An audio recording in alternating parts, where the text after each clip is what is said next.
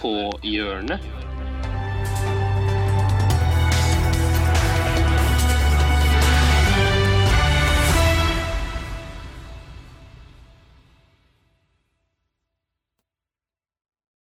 Hallo og velkommen til første innslag av NRK-hjørnet.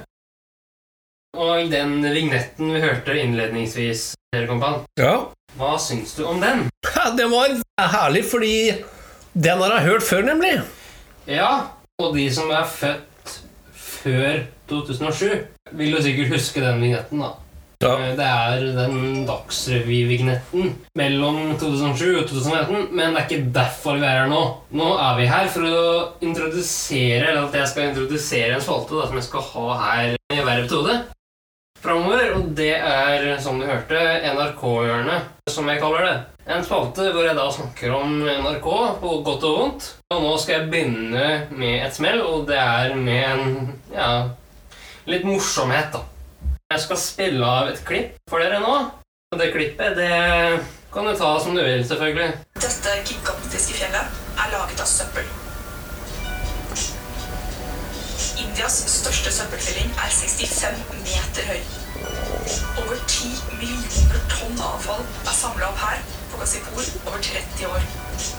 Nå skal India rydde vekk søppelfjellet, med litt hjelp fra Norge. Men først, hvordan skjedde dette?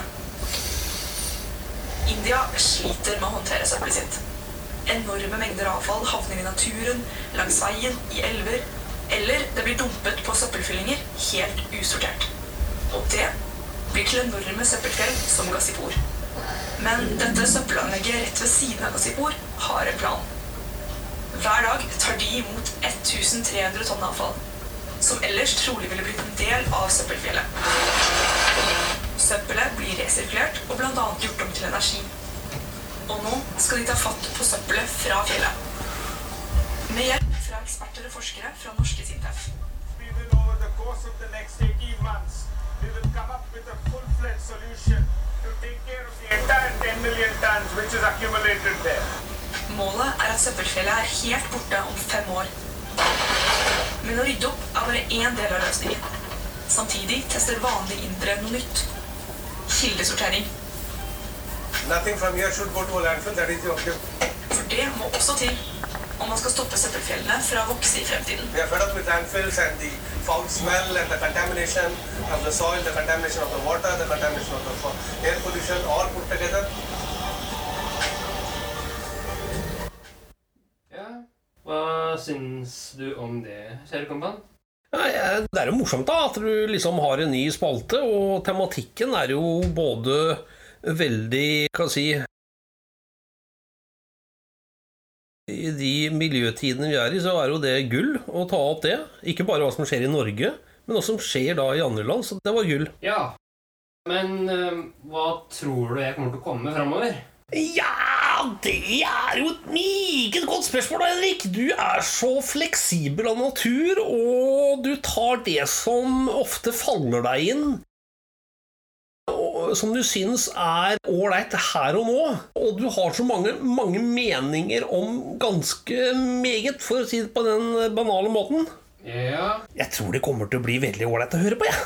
Ikke bare veldig ålreit, jeg tror det blir spennende og morsomt. Ja, men uh, også for å si det sånn, da, så er målet med denne spalten her, det er å få fram en positiv følelse, samtidig som det kan være provoserende til tider. Ja. Eh, så med det så tenker jeg vi runder av det første NRK-hjørnet. Vi skal selvfølgelig ha NRK-hjørnet i dag, og da tenkte jeg vi skulle ta en eh, aldri så liten avstikker. Den avstikkeren består av et innslag fra verdens minste kommentatorboks. Fra Det Delsmanske bibliotek, eh, trolig i Oslo. Eh, men jeg vet ikke hvor det er, men jeg bare vet at det er i Norge. Mine damer og herrer, hjertelig velkommen til verdens minste kommentatorboks eh, her utenfor Deichmanske bibliotek. Har NM i Blindern-studenter, tror jeg? Ja, det er NM i Blindern-student. Ja. Han scorer godt der. Ser ut som han studerer kanskje statsvitenskap. Ja, det er nok tredje året på statsvitenskap. Og her også. Jeg ble passert av en annen god deltaker i NM i Blindern, dette her også. Ja. Så jo hatten tilsier antageligvis kjønnsstudier, eller russisk. Ja, ikke langt unna. kommer Støvel her. Støvel rikmannssønn. Han eh, er folkelig i bånn, borgerlig i toppen. Absolutt. Så har vi det kjente trekløveret. Ække, bække og klække. Ja, de er danske brødre alle sammen. Ja, herr og fru Kygo. Herr og fru Kygo. kommer, eh, Hva har de vært og leid da? Så har vi Det er rett og slett uh... Tussi og Tønne. Så har vi Jason Mraz. Jason Brass. Eller tyske Jason tysk- tyske Jason bror skal levere tilbake en. VHS og to bøker. Slags Dan Børge. Oi, oi, oi, det er ninja på sykkelen, det. Hattori Benzo-boks eh, Nigiri. Så har vi strikk. Vi har NM i strikk, og vi har en klar leder. Ja, absolutt. Det er jo Både eh, hatt, vante og er. genser. Vi har eh, endelig fått besøk av depressiv hund. Depressiv hund, ja. Det er dessverre en veldig deprimert hund. eh, Trist, trist, trist hund Ja, som ser eh, veldig trist ut, men eierne er blide og glade. Verdensmesterskapet ser fram og late som ingenting. Oi! Oi, tapte der. Tapte der. Så det sang. Nei, her er jo uh, Lill Linda Lilla. Da har vi Lugg Alfredsson. Lugg Alfredsson. Den kjente artisten Lugg Alfredsson. Tredd. Tredd nedover. Er det en hatt lagd av slips, da?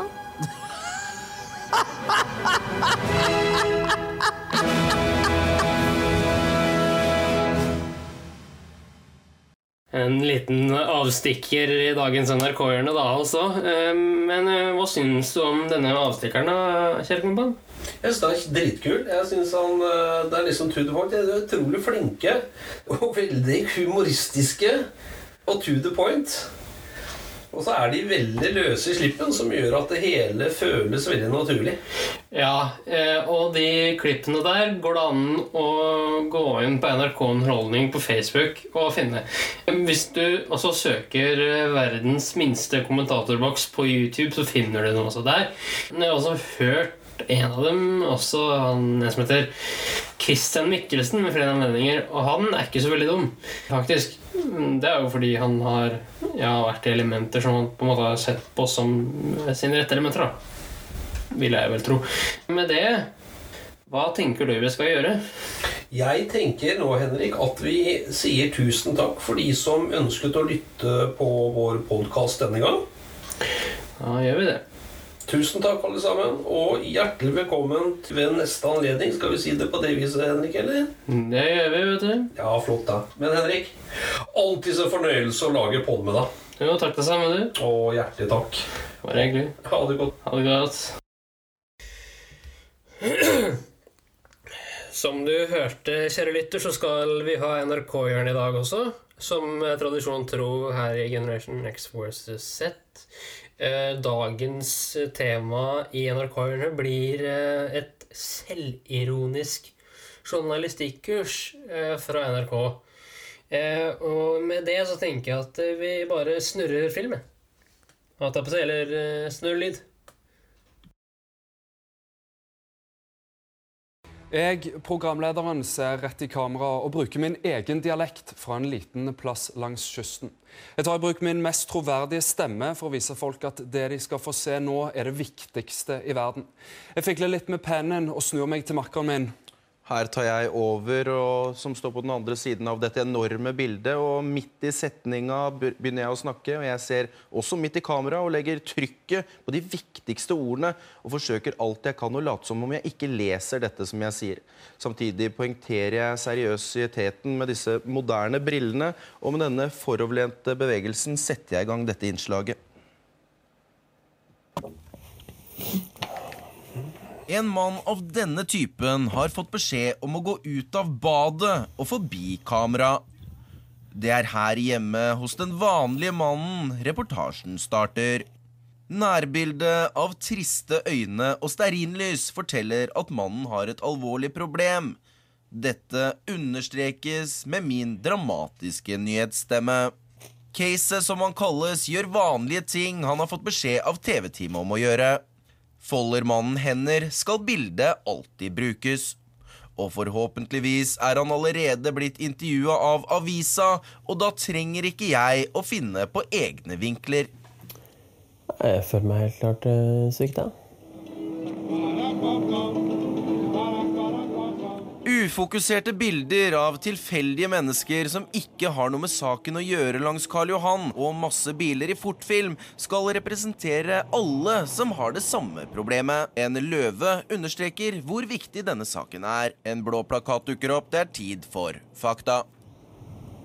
På bildet av flagg som er filma gjennom en dyr statue, og på bilder av rapporter og hender fortsetter jeg å mase om fakta og lover som seerne ikke bryr seg om. For å bevise at jeg er en ordentlig journalist som har bøttevis med fakta og tall på lur, spriter jeg nå opp saken med søyler og tall som hopper rundt på skjermen. Dette virker veldig troverdig og inneholder sakens kjerne, som det nesten er umulig å forklare, men som alle skal reagere kraftig på. Denne visuelle eksplosjonen kalles bot-i-bot, og så høres en ny reporterstemme. Det er klart for Reax. Den kjente politikeren som snart skal reagere, står rett opp og ned og gestikulerer voldsomt. Vi fokuserer gjerne på hender. Så kommer det politikeren skal reagere på. Et viktig dokument enda en ny stemme overtar. Her leser den ukjente stemmen akkurat det som står i hermetegn, for å understreke at dette er et sitat. Raser du på dette forslaget? Nei, altså Raser du litt? Nei, jeg Setter du spørsmålstegn ved det? Det er mange spørsmålstegn. Så, så du reagerer sterkt på det? Mens jeg forteller videre hva politikeren nå vil gjøre, sørger jeg for å be fotografen ta et bilde av bakhodet mitt. Dette er fordi også jeg, reporteren, skal komme på TV. Til slutt et bilde av en bygning. Bak et tre, gjerne ut av fokus.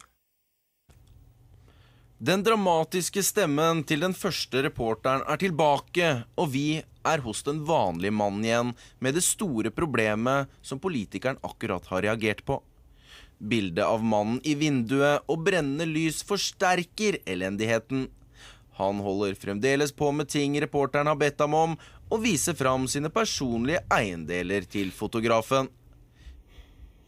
På et bilde av at han går ut av rommet og lukker igjen en dør, sier han noe som alle syns er veldig rørende. Nei, jeg syns jo det er uh, forkastelig. Uh, verdens rikeste land, og så sitter jeg og har det sånn som det er. Denne bevegelsen forteller at jeg har fulgt med på innslaget, og denne minen forteller seerne at jeg nesten ble litt trist av det jeg akkurat har sett. For å understreke hvor alvorlig og viktig dette temaet er, har redaksjonen sendt ut en kollega av meg som har langt mindre fartstid i nyhetene enn meg selv. Målet hans er å overta min jobb, og nå står han i den sinnssykt store TV-en bak meg og er ikke klar over at han synes. Han har sagt til meg hva jeg skal spørre han om, så det gjør jeg akkurat nå.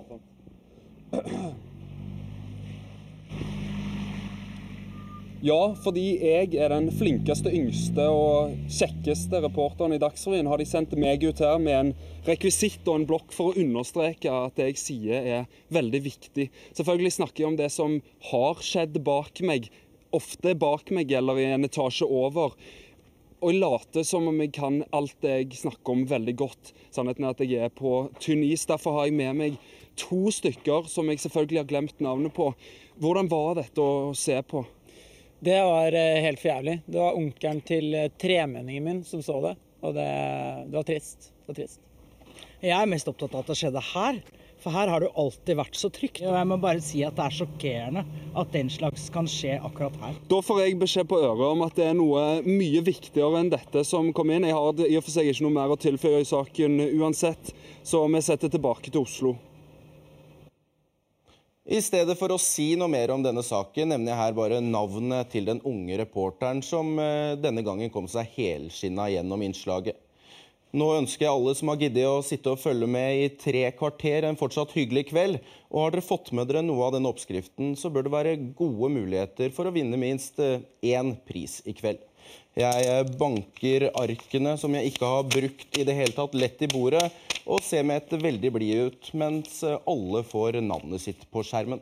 Når jeg sier at ting skal være morsomt, hva har du da i tankene? Noe morsomt, ja. Noe morsomt. Eh, og det skal NRK gjøre hver dag. skal være morsomt. Eh, gi meg et lite hint, da. Hint? Ja. Eh, da vil jeg si ja, britisk Aksentvitsing? Hæ? Er det noen sånn språklige sånn, Sånne språklige finesser? Ja, det kan du si. Ja. Der, vet du, Henrik, er jo du og jeg litt ulike eh, sånn sett, da. Fordi du har hele tiden og alltid egentlig eh, hatt det veldig moro med sånne nyanser av språket. Og, og kost deg veldig med det. Mm, faren din er vel ikke helt 100% der, men hvis det er morsomt i tillegg, Henrik, så uh, syns jeg vi skal bare høre på NRK, Ja? Ja, altså jeg kan si at det er en morsomhet som bygger på Ah, da kjører vi. Vi kjører.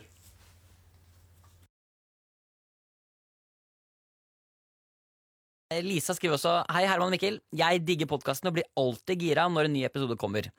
Det er kun ett problem. Jeg bor i London, hvor jeg studerer, og det, føles naturligvis, eh, det, og det fører naturligvis til at jeg kjører mye T-bane, eller tube, om du vil. Og du mener tube? Ja, tube. Ok, ja. Ja, det er tube. Mind the gap. Please mind the gap. Prøv å si, få høre hvor fint du kan si mind the gap. Mind the gap.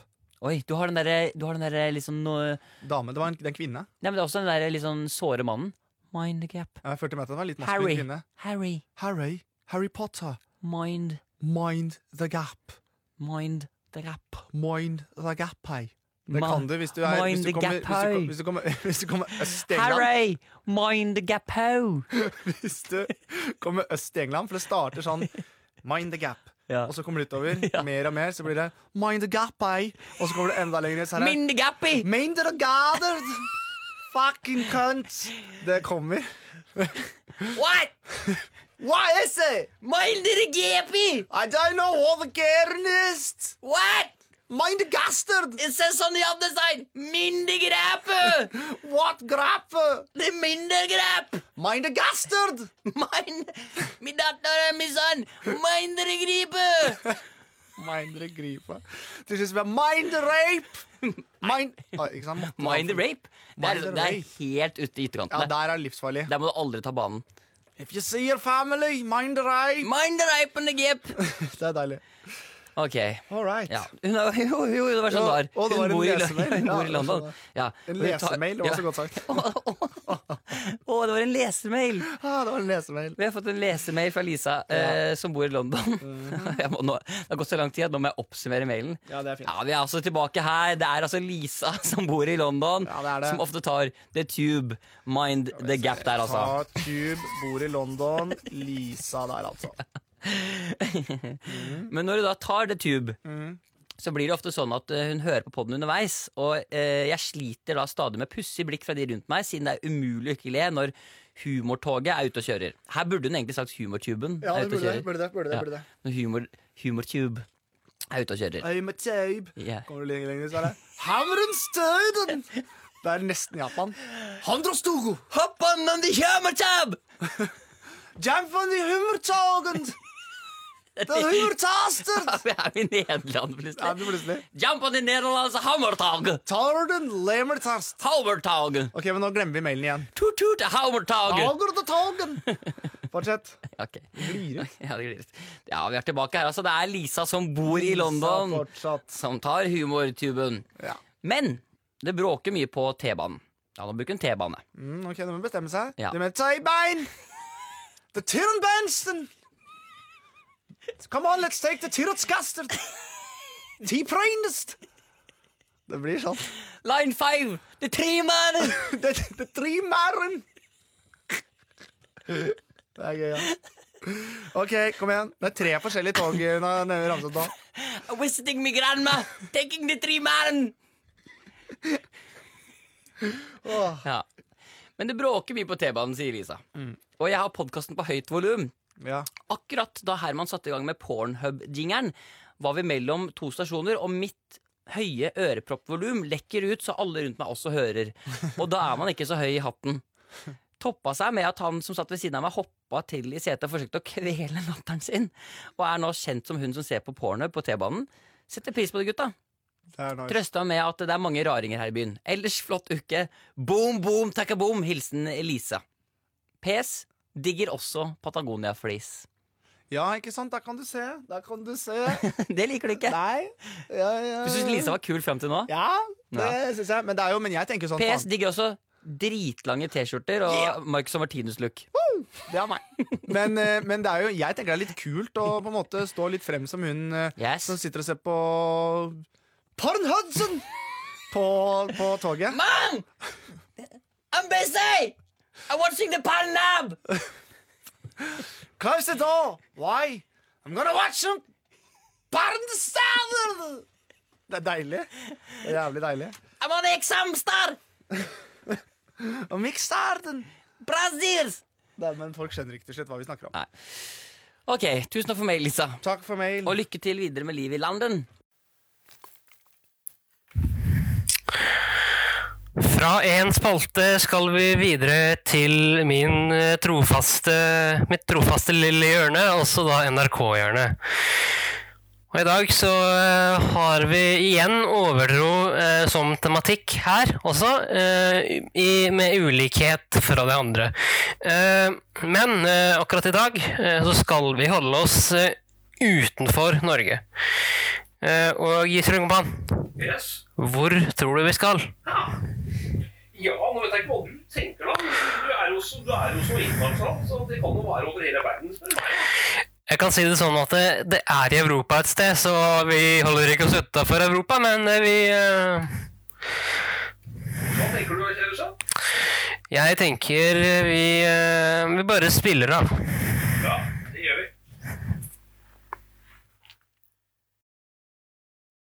Jeg er jo altså da oppvokst med albanske foreldre som eh, har dratt med seg litt eh, overtro inn i livet mitt. Ja. Fordi i albansk overtro så eh, skal man, og dette har jeg aldri satt spørsmålstegn ved, men man skal aldri klippe negler på tirsdager. Er det sant? Det er helt sant. Hvorfor det? Jeg vet ikke. du har ikke jeg innså nå at jeg aldri har stilt spørsmål, men det er sånn, det skal man ikke gjøre. Det har alltid mamma sagt. Nei, å, du burde klippe de neglene dine, men det er tirsdag. Har du noen andre greier? Nei, har jeg det? Jeg prøver å tenke nå. Ja, ikke gå liksom på um, eh, dør... Lister? Ja, dørlister. Er det en norsk greie òg? Nei, det har jeg aldri hørt om. Nei, det Men når jeg tenker på det, er det albansk overtro, eller er det pappa som bare hater at vi gjør det? Gammel overtro over P3 Morgen! Jeg blir redd! Ja, vi skal også da til eh, Albania, som du hørte der, eh, Kjell Kompan. Yes. Og, ja, eh, og for de som vil høre på de to prate, så er det bare å høre på P3 Morgen hver dag fra seks til ti. Mellom seks og ti, eller fra seks til ti, da, for de som er skikkelig morgenfugler. Men det vi skal gjøre nå, Henrik, det er NRK-hjørnet. Ja, nå skal vi fra eh, alvor til spøk. Eh, vi skal altså vi skal harselere med frigjøringen av Sverige. Nei, altså, det er, er ikke harselering, men det er, fall, det er en av mine store eh, norske humorister. Og her kommer han til sin plass så til, til de grader at det er en fornøyelse å, å høre på. Fortell om det her. Eh, jo, det er en mann eh, som hadde sine glansdager på 1980-tallet. Eh, som heter Eller som het, da. Eh, Halvard Heidesteen jr. Eh, han eh, kommer altså da til å muligens linke til i shownotes. Eh, men med det så tenker jeg vi kjører Det er en eh, ubåt i Stradsklassen. Den heter Dnieper av Arkangelsk. Men eh, en eh, ubåt i norsk farvann er jo Vi er på fisketur. Vi fisker. Fisketur og fisketur. Jeg tror de at de norske myndigheter tror, tror det. Dypvannsfiske, ja. Vi fisker på dypvann. Brosme, lange, sei, lodde, lampe, gnytte, sursild. Alt fisker. Altså, de kan ikke tro at myndighetene skal tro at en ubåt driver og fisker dypvannsfiske. Vi har orkester og om bord. Balalaika-orkester. Stort balalaika-orkester, så hvis de vil høre. Vi har 35 mann, spiller balalaika-orkester. Det er skjønt. I en, i en ubåt. Hvor mange mann er det om bord? Liker de musikk? Ja, jeg liker musikk. Da skal de komme ned og høre på vårt eh, fiolinkvartett. Ja, det er klart. Ja. Hvorfor er de akkurat her i Drøbak? Егор! Класса бас дождь яха дардиньо, tu знаешь? Разбавился, етос, пастыкар, балалайка. Nå kommer balalaika-orkesteret. Ja. ja, godt. Bare. Hvor er mormors pistol? Norsk kurs. Har de gått på norsk kurs? Ja. Norske myndigheter kan ikke tro at, at de fisker fra en ubåt? Vi fisker med alle de kjente Cloud gamle redskaper. Dørg, not, oter, dørg, not og oter. Under vannet. Ja, Dette tror de altså at norske myndigheter skal tro på? Vi har det store orkesteret begynner å Jeg forstår det, men, men eh, har de vært i kontakt med politiet? Mm. Vi- Hvis de vil, kan de komme om bord klokken fire. Da er det mat. Ja. Og eh, dessuten så skjønner jeg Norge er et vakkert land. Det er nydelig folk. Vi er her for å fiske. Vi fisker. Ja, fisker skyter. fisker jo innenfor eh, norsk eh, fiskerigrensen, hva? Det er straffbart, ikke sant? Vi kan jo ikke se den grensen under vann. Ja, For det første, å fiske med ubåt er jo Jeg helt kan, en sang, norsk sang om fiske. Ja. Når fisken fisker nett. Ja. Når nettene blir lange og kulda, så kjenner de den. Mysefisa! I dagens NRK-hjørne så skal det handle om en humoristisk eh, fisketur. Og når du hører det, Kjell Koppmann Ja. Hva tenker du? Jeg tenker fisketur jeg vet du, i riktig gamle dager, eh, før du ble født, Henrik, hvor man tok en jolle ut og eh, på Hvaler en tidlig, eh, gjerne en lørdag morgen, sånn i fire-fem-tiden, tok med seg litt kaffe, en liten brødskive, og var ute noen timer. Øh, og så soloppgangen, snøret nede, blikkstille på vannet, og bare nøt roen og hyggen. Og håpet på spenningen. Håpet på og hadde en spenningselementet med å fiske. Ja, eh, og vi Vi skal eh, ha spenning ja, i en bokstavelig sammenheng. Er så bra. Så mm, hva skal vi da gjøre? Skal vi kjøre, da? eller? Vi bare kjører på, vet du.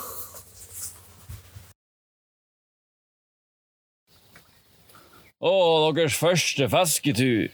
Det er virkelig den beste måten å komme i kontakt med naturen på. Og jeg tror jaggu meg at fisking er det mest avslappende i hele verden. Å, så avslappende, ja.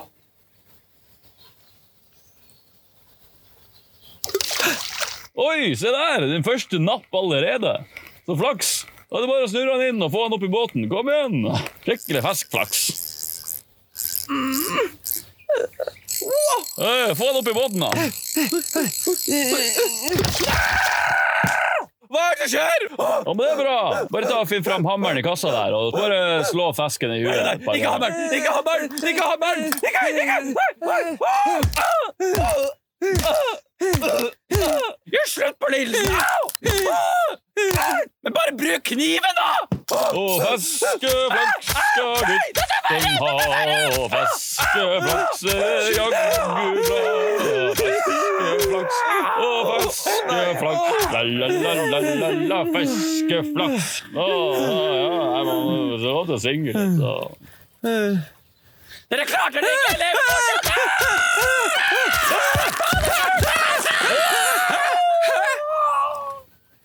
Å nei, slapp han unna. Men ikke tenk på det, altså, det er masse fisk i sjøen. Det er bare å kaste uti på nytt. Vi skal være her i hele dag. Dere kommer aldri til å glemme meg! Å, så avslappende. Å. Som du hørte der, eh, kjære lytter, så skal vi inn i NRK-hjørnet. Eh, Og når jeg sier, eh, kjære kompan, at eh, vi priser sommeren i dagens hjørne Vi priser. Men hva kommer inn i huet ditt når jeg sier priser sommeren? Da tenker jeg på eh, varme, eh, det å nyte friheten, fritiden. Det er sol. eh, og det er positivitet, og det er lykke i, i lufta. Ja, og det er det vi skal innom i dag, eh, til en viss grad, eh, i NRK-hjørnet. Eh, Med det så tenker jeg vi bare spiller av klippet. Ja.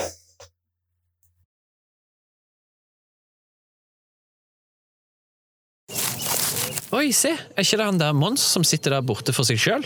Å, skal vi spørre om han har lyst til å finne på noe sammen med oss? Ja. Hei, Mons! Har du lyst til å bli med oss og bade? Og det høres gøy ut! Ja!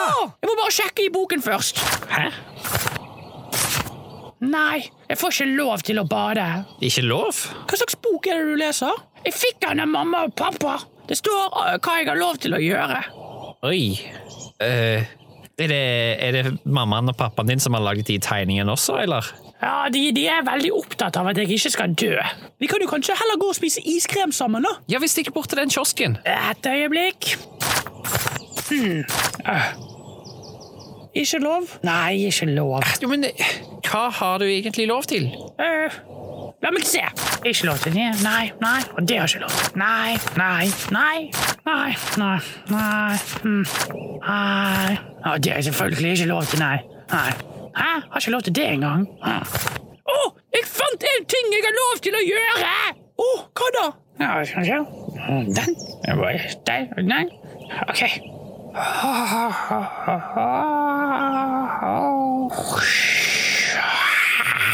Eh, hva, hva gjør du nå? Jeg later som at jeg er et tre. Den tryggeste, det er det tryggeste man kan være. Vil dere være med? Jeg, tror jeg heller vil bade. Eh, jeg også. Sorry, Mons. Vi snakkes. Astrid Skal vi spise masse is etterpå? Å, ja, is! Kjempebra! Vi er så stolte av deg! Mamma? Pappa? Hva er det dere gjør her? Vi bare passer på at du ikke gjør noe dumt. Ja, nå er du et kjempefint tre.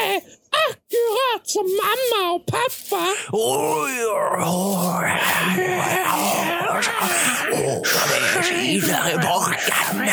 Jeg, jeg vil ikke være tre lenger. Hva? Jeg vil heller bade. Sammen med de andre. Du skal ikke gå på etter Mons! Du kommer til å dø! Kos dere, da. Nei! Kom tilbake med en gang, Mons! Mons, Mons du boken din! Ah! En sommerfugl! Nei! Nei! Nei! Nei! Nei! deg, helvete, kom din sommerfugl fra da! Fra 1905 skal vi ca. 104 år fram eh, til 2019 i dagens NRK-hjørne. Og jeg må spørre deg, jeg er kjerringkompan. Yes. Um, hva tror du hadde skjedd eh, hvis en gruppe mennesker hadde eh, lagd en religion basert på hva folk i verden trodde på i 2019? Wow! Ja, det må jeg si var litt av en, litt av en utfordring, kjære sønn. Jeg tenker ikke på noe spesifikt land, jeg bare tenker generelt. Jeg har du noen eksempler å vise? Eh, ja, men det kommer vi til senere. Ok. Eh, har du noen tanker sånn eh, umiddelbart? Ikke som slår meg nå, det, men det er nok ganske mye. Men jeg har lyst til å høre på det innslaget du har. Ja. Ja, eh, og bare sånn for å ha det på det rene, eh, så skal vi få høre en deler av en forestilling, standup-forestilling også, av Are Kalve på Latter. Eh. Eh, Hvor han nettopp tar opp dette her eh, med dette her eh, med religion og hva folk trodde på i 2019 og sånne ting. Eh, Med det så tenker jeg bare jeg spiller av. jeg. Du får kjære sønn. Det som hadde vært litt tøft, det var hvis det ble starta en ny religion nå, som bygger på det folk i Norge tror på akkurat nå. Og så sprer denne religionen seg. Han vokser stor. Og om 100 år så er det masse folk over hele kloden som dyrker religiøst akkurat det folk i Norge trodde på i 2019. Og så møtes de i religiøse forsamlingslokaler for å framsi trosbekjennelsen sin. La oss bekjenne vår tru. Jeg tror på frihet, likhet, menneskerettighet og den nordiske velferdsmodellen. I alle fall av og til. Men ærlig talt så skulle det vel egentlig bare mangle at vi har gode velferdsordninger i et av verdens rikeste land. Jeg tror på demokratiet. Selv om jeg må innrømme at hvis f.eks. VG skriver at en politiker har gjort noe dumt, så hender det at jeg himler med øynene og tenker «K, Det er altså så typisk. Jeg tror at til og med norske menn en eller annen gang i framtida igjen vil klare å kvalifisere seg til et internasjonalt mesterskap i fotball. Eller egentlig ikke, når jeg tenker meg om. Jeg tror det er viktig å av og til roe ned tempoet og lade batterier og tilbringe kvalitetstid med familien. Så la oss reise til familiens hytte umiddelbart etter arbeidstid hver fredag klokka fire. Og når jeg sier klokka fire, så mener jeg naturligvis egentlig umiddelbart etter Vinlotteriet klokka to.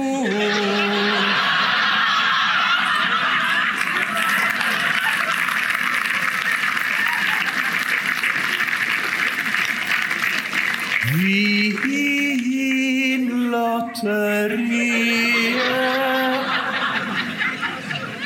Jeg tror at når vi kommer fram til hytta, da skal vi sitte i hytteveggen og kose oss. Med mindre det regner, da skal vi sitte inne og krangle om hvorfor vi aldri kan få somla oss til å få gjort alvor av planene om å få noen polakker hit for å få laga et overbygg. Slik at vi kan sitte ute og kose oss sjøl om det regner. Kan det være så forbanna vanskelig, da? Og så blir det jævlig dårlig stemning. Men i morgen skal vi gå til en fjelltopp. Ikke fordi vi egentlig vil, eller fordi det slutta å regne, for det gjør det jo tydeligvis aldri i dette landet, men fordi vi skal opp på denne toppen og ta bilde av oss sjøl med armene mot himmelen. Og kjenne at vi opplever mestringsfølelse. Mestringsfølelse er den følelsen du får når du endelig er ferdig med noe som du egentlig har vært dritlei av ganske lenge.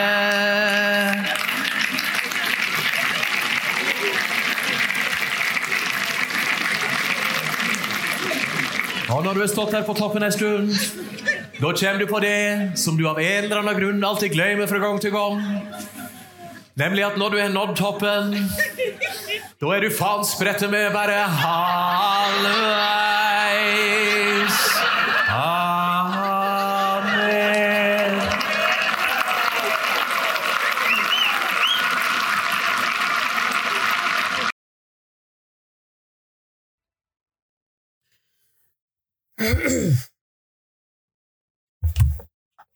Ja, Henrik, fra det ene til det andre. Så skal vi over til min eh, faste spalte NRK-hjørnet, som omhandler eh, NRK, eh, på godt og vondt. Og i dag så skal vi ta for oss igjen krig. Men jeg skal harselere med det, for jeg skal spille av et klipp der hvor krig blir lek, for så å bli krig igjen. Ehm, har du noe mer på hjertet? Jeg tenker at vi bare lytter. Den er grei. Ja, nå er det offisielt. Atombomben kan treffe når som helst. Hvem vil slippe bomben først? Av Kim Jong-un og Donald Trump? Det er det som er spørsmålet. Og hva med oss her i trygge lille Norge? Kan vi også bli rammet? Birte, Atomkrig? Jeg skjønner at du har vært litt sånn bekymret i det siste. Hva er atomkrig, pappa? Kommer jeg til å dø? Uff, nei, nei, slapp helt av, Birteboms. Jeg, jeg har noe å vise deg. Atomkrig er litt sånn som en lek. Lek? Ja, det er litt sånn som gjemsel. Bare at du skal gjemme deg i noe som vi kaller for bomberom. Oi! Inni bomberommet ditt kan du få lov til å lese så mye tegneserier som du vil, og leke leker og spille brettspill. Og det er uendelig med brus og potetgull, og vi har tykke puter og pledd som beskytter deg fra alt som er farlig. Ja, nå skjønner jeg. Det er en lek. Ja, Se, han der Kim Jong-un kalte akkurat Donald Trump for en tissefant. De er med på leken, de òg. Så morsomt. Hvorfor ler du ikke, pappa? kalte han ham for en tissefant. Ja, du kalte han det på Twitter. Herregud, jeg har kastet bort altfor mye tid på dette teppefortet. Pappa, hva er det som skjer? Jeg blir redd. Er dette en del av leken? Jeg burde lagd et ekte bomberom. Jeg burde lagd et ekte bomberom!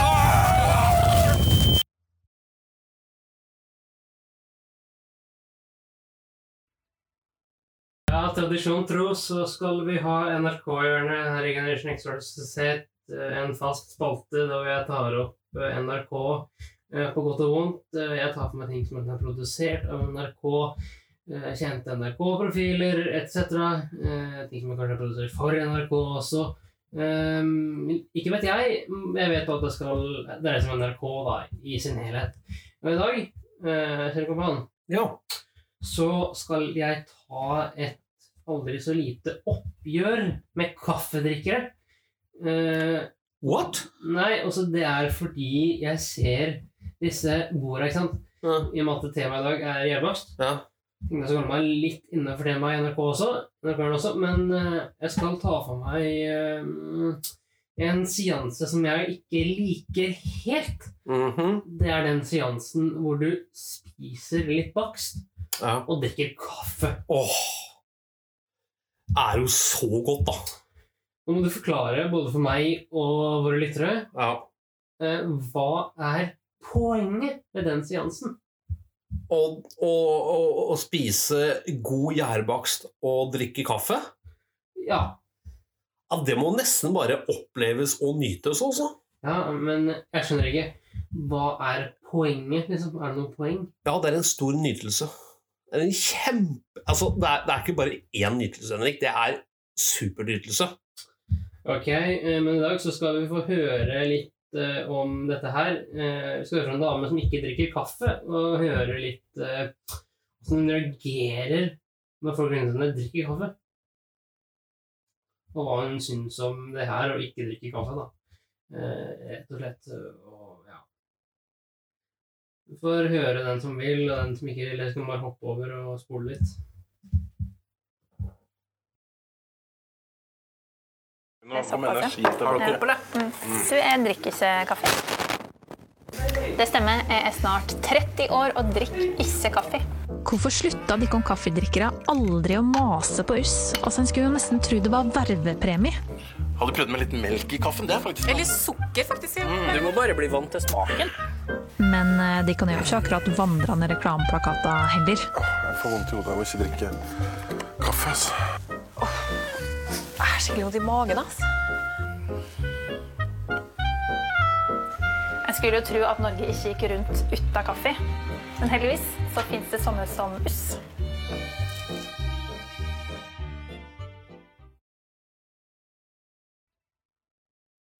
Hjertelig velkommen til dagens NRK-hjørne. Og i dag, Kjell Ungpan, yes. hva tror du jeg skal ha? Ja, Det er det som er spennende med deg, Henrik. Man vet aldri hva du tar. vet du. Nei, men um, hvis du prøver å gjette.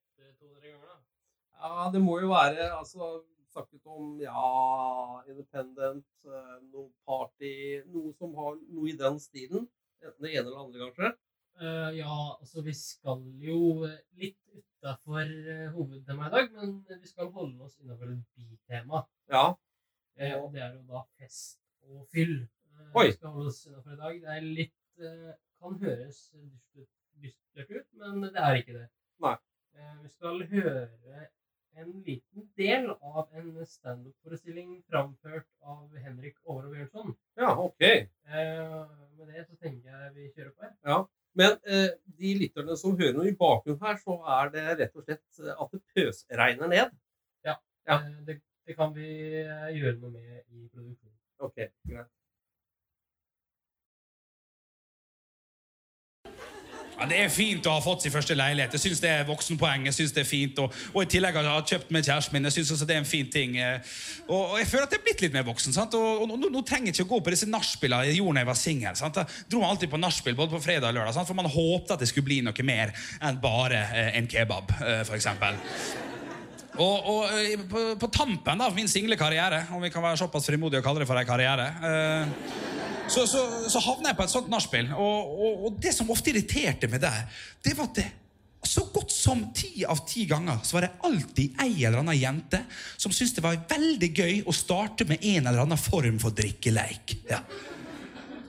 Og det var en drikkeleik som jeg hata, som kom opptil flere ganger, nemlig drikkeleiken 'Jeg har aldri'. Den er gøy, hæ? For dere som ikke vet hva det handler om, så er det at man sitter en gjeng, og så kommer det en påstand sånn 'Jeg har aldri vært på Latter før'. Hvis du aldri har vært på Latter, så drikker ikke du. Har du vært her på Latter, så drikker du. Sånn funker det veldig enkelt. Og jeg havna på et sånt nachspiel. Klokka er fem over tre, så kommer jeg sånn der drittkjerring sånn der sånn «Ok, party. ok, Skal jeg drikke leik? Kan jeg drikke leik? Ja, ok. ok. Eh, Jeg kan begynne.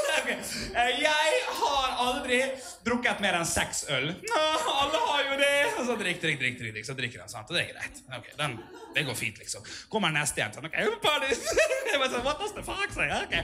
Um, jeg har aldri drukket mer enn en flaske sprit og fått blackout. Alle har det òg. Drikk, drikk, drikk. drikk, drikk. sant? Så drikker de. sant? Det, det er helt ok, det òg. Men så det går alltid to sånne, så smeller det rett over på det seksuelle med en gang. Det slår faen meg aldri fuckings feil, altså. For da kommer tredje sånn, okay, sånn, buddy. Ok, på kvart og tre, så er det sånn, hm, ja, tusen takk. Jeg mm, har aldri uh, hatt sex i en bil. Å, å, å, Pernille, da!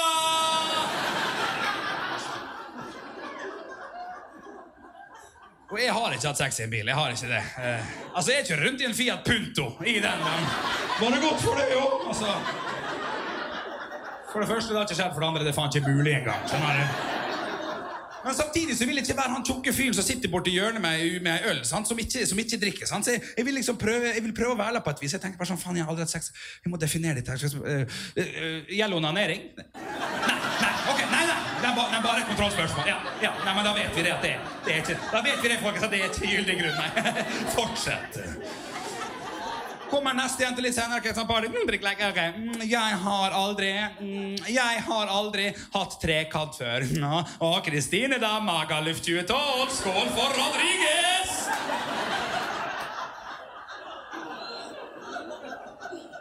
Og jeg har ikke hatt trekant før. Jeg har ikke det. Jeg var med på en runkering da jeg var tolv. Usikker på om det er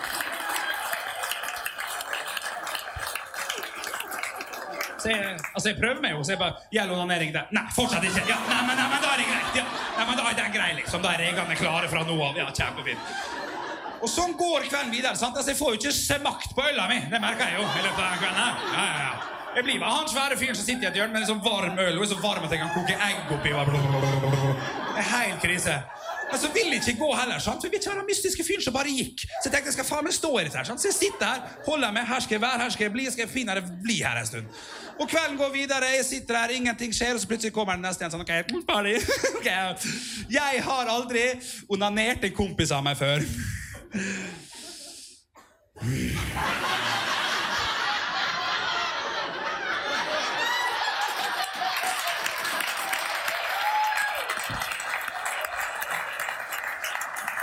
Da fikk jeg drikke, så jeg takk for meg, og kjøpte meg kebab. Tusen takk for meg.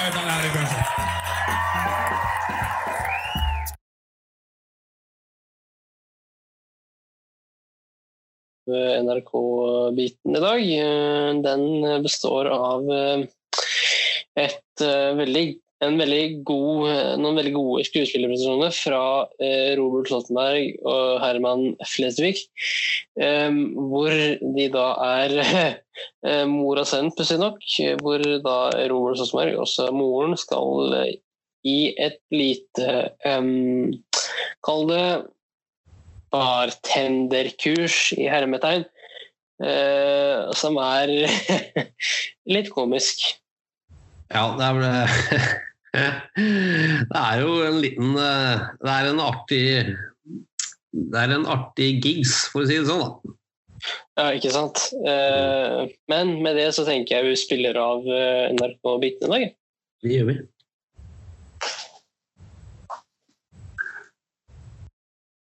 Hei! Velkommen til Jeanettes bartenderkurs. Nå skal vi lage noen eh, alternative alkoholfrie drinker, for vi er på Statskanalen, og da kan vi ikke bruke alkohol. Her er min assistent Kristoffer. Applaus! Ta ut den der handa i lomma, vær så snill. It's a drink made with ginger Men herregud, kom til poenget, da. Du, kan ikke, du skal ikke lese hele Alien Grenade, Ja, Shirley den er oppkalt etter hun barnestjerna Shirley Temple, og den består av grenader og ingefærøl. Men vi bruker vår egen versjon. Vi bruker vørterøl. Og istedenfor grenadin, for det koster så flesk, så bruker vi rett og slett husholdningssaft. Og da bruker jeg den typen som jeg kjøper på First Price. Den er like bra som noe annet. Litt ekstra oppi. Jeg er glad i sukker, så jeg tar to spiseskjeer. Ta det litt på komofon. Ikke vær så nøye på akkurat dette her. Har vi fått ferdig en appelsin og Voilà! Her har dere Shirley Temple. Jeg kaller den ikke for det, jeg kaller den for Marcus og Martinus. Var det litt for mye vørter, eller? Var det det? Ja. Da kjører vi bare husholdningssaft. Har du begynt å drikke, forresten? Nei, det Du har jo gått på folkeskole et år, du må jo begynne å drikke. ja, Kanskje en, et par pils. Par pils? Er du tolv år gammel, eller? Ja, fra det ene til det andre. Nå skal vi lage en drink for dem aller, aller minste, og det er ikke så viktig med akkurat hvordan det smaker, for smaksorganene dem har de ikke utvikla. Men det som er viktig, det skal se artig ut. Det skal være alle regnbuens farger. The magic, og det er rett og slett konditorfarge. Og ikke vær så forsiktig med fargen, så bruker jeg lime. Jeg bruker én, jeg bruker to, jeg bruker tre. Nei da, jeg bruker fire-fem. Toppen med litt Coca-Cola, og her igjen. Du kan også bruke vaniljesukker, men jeg bruker vanlig, for det er billigere og enklere å få til. Disse her er nydelige små får du bilde av det, eller? For det. Se på de limene. Og nå er de ikke lenger grønne, de er grønnblå. Men Du sa regnbunnsfarger. Ja, det er ikke alltid det blir sånn som du hadde tenkt, da. Det er du et eksempel på. Unnskyld at jeg sier det. Voilà. Ikke drikk for mye, du blir så tjukk av det. Den neste drinken vi skal lage nå, det er en alkoholfri marguerita. Da tar jeg to sånne limer. Opp med det lokket, da. Opp med lokket! Så presser vi alt vi kan. Nei, jeg kan seg å presse? Jeg har ikke pressa noen så mye som jeg pressa den gutten her. Det var derfor jeg valgte bare å få én unge. Jeg er nødt for å ha litt tequila oppi. Det kan være mellom oss. For dette her er alkoholfrie greiene. Det blir litt sånn, akkurat en sånn bitte liten dæsj. Det skal ikke være mer enn det. Da kan du sette deg i gang, den der. Å, herregud. Ikke så høyt, da! Jeg orker ikke å dubbe dette etterpå! Se nå som som har skjedd. Dette her jeg synes er helt sånn mirakelsk. Så bare vifter jeg på den. Så kommer margaritaen ut. Og den skal mor smake på. For den er det litt tequila oppi. Mm. Og sånn. Vil du ha sånn salt rim på margaritaen din? Hæ? Skal jeg mamma rimme deg? Så jeg Ta med disse to drinkene bort til de der to små barna i nabovogna. Ja, men det er tequila, da. Du kan ikke gi dem til det er bare en bitte liten klunk. Herregud. Karsten legger seg tidlig. Han har bråka så til klokka ti hver eneste kveld. Det var Jeanettes drinketips. Vi er ikke tilbake inn i morgen. Jeg kan, jeg kan ikke gi Hold kjeft og gå med de drinkene. Ja.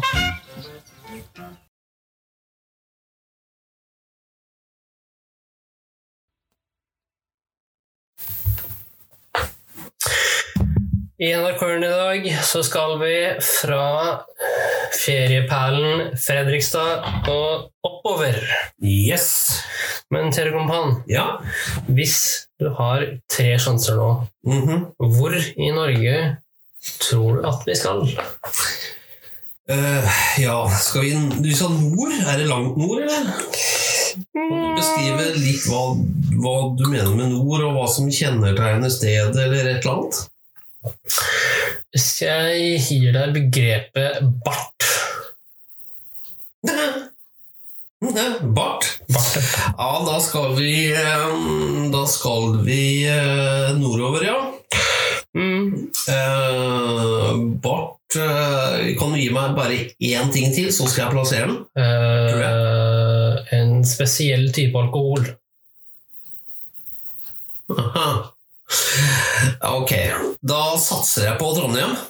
Riktig. Og drikken er karsk. Riktig. Ok. Eh, vi skal til Trondheim. Eh, vi skal til Nordre gate i Trondheim. Og der finnes, der finnes verdens minste kommentatorboks. Skal vi kjøre klipp? Vi sitter her i Storgata i Trondheim, bare at den ikke heter Storgata, den heter Nordre gate. Det er jo et eh, shoppingens mekkatron mekka Trondheim. Det er både lissebutikker og slipsbutikker og en og annen vestebutikk rett sør for Barte sentral. Ja. Hva skuer vi der, eh, Martin? Ja, det er jo hjelp. Jeg har krympet kroppen i forhold til lua. Ja. Så har vi far og sønn, like gamle. Ble jo født samtidig da, så viste det seg en DNA-test etterpå at de var far og sønn. Det var ikke tvillinger. Et eh, mirakel. Ja, far og sønn like gammel. Ja, nå har vi verdens største paraply. Ja. Det er jo sønnen til Mary Poppins, Hans Ove Poppins. Han skal kanskje redde noen barn fra avgrunnen. Det begynner å ta seg opp nå i Trondheim by. Og se der! Oi, oi, oi, oi! Det er VM i lang hund, det! Det er uh, tynnlang hund. Ja, en litt mer bustete. De andre har fått på seg gensere, for Ja. de er så tynnlange at dette her blir for kalt for uh, såkalt uh, indisk slangehund. Snake dog. Er årets første duodeltaker. Ja, det ser jo ut som det ikke er noe barn der. Nei. Det ser ut som en liten vannbjørn, ville jeg sagt. Hvis du tar referansen til det insektet som kan leve også i vakuum. Og der er de, Enemy synk. De går jo helt likt, har jo øvd i tre år. Ja. De er jo en del av Trondheims garde og vokter slottet her i Trondheim. Og da må man gå helt synkronisert og virkelig slenge med armene på likt vis. Vi har uh, Dressmann. Han går raskt nå, men når du spiller dette i sakte film, så ser det akkurat ut som en Dressmann-reklame.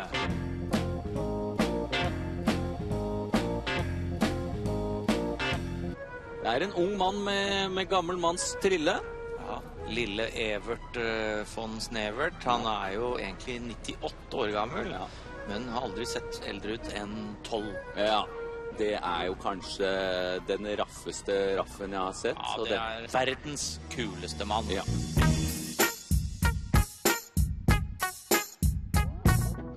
Det er verdens største sixpence, kosta 12 pence. Ja. Det er en såkalt tolvpence. Men det er en såkalt regnpence også, som kan holde regnet unna. Mike Pence der, altså. Jobber som massasjekunstner. Burgunder tvers igjennom. Står veldig forvirret nå. Så jeg har sett noe som ikke er burgunder, og det er ikke hun vant til. Gunderbur. Gunderbur var var opprinnelig fra Tyrkia. Ja. Og der, langt der borte, så ser vi han. Den rolige trønderen. Spankulerende, klassisk trøndersk gange. Henda i lomma, helt rolig. Han går jo eh, 100 meter på åtte timer. Ja, så er det tid for uh, Norgesmesterskapet i sykkelstjeling. Klarer de å få med seg to elsykler før de blir spotta? Birte Hjelmeland. Og eh, Tina hodeskade. Får vi se om hvem som kommer seg først av gårde. Hun eh, får en treksarbeid. Se, der har hun fått låst opp! opp! Vil bare komme seg av gårde og få solgt disse syklene fort som bare det. Har trent godt på stjeling, Birte. Jobber fort nå, Birte. Ja.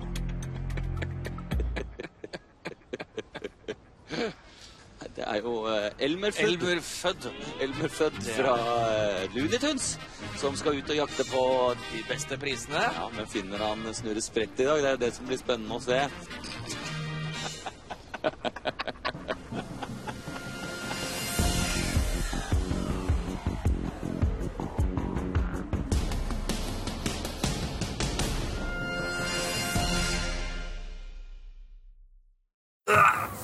Å, Fredrikstad! Fredrikstad! Der er vi i gang. Der er vi i gang. Hjertelig velkommen hit til Fredrikstad, også kjent som Plankebyen.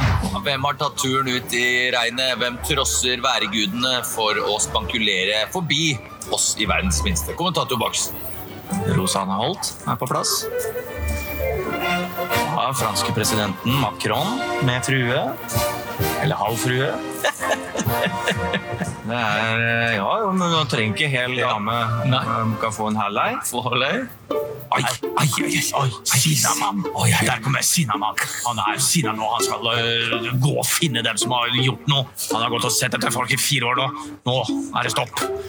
Sinnamann inn til tredjeplass. Ja, Nå har han snart en hel eh, hustru her. Nå kommer han med andre halvdelen. ja. Macron. Nå har han tatt bena fatt, uh, Macron, og, og Lang og kort venn. Ja.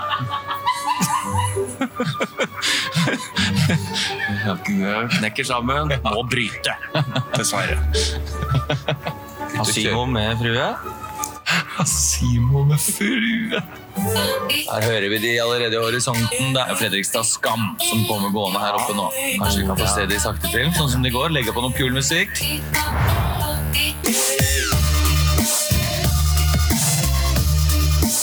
Og klokkeslettet er 11.49. Det er britene her. Prompel og pils. Dette er de to. Er hjelp jeg har på headset. Hjelp, hold, hold på headsetet. Det er for mye vind her nå. Nye familiefilmsatsinger. Hjelp, vi hører. Det er eh, leopardpels. Ja. Jeg banner på NRK også. Må være forsiktig. Ja, men det er blitt hårdere bud. Men det er røff i halsen, så er det røff i truten, som vi sier her. eh. Og når det blir blipa ut, så vet vi jo ikke om hun sier eller Eller Nei, nei, nei. Oh, ah, tenker deg. Oh, ah, tenker deg. Jeg sier oh, ah, her går jeg. Oh, ah, her går jeg. Alle bare starter så. Oh, oh.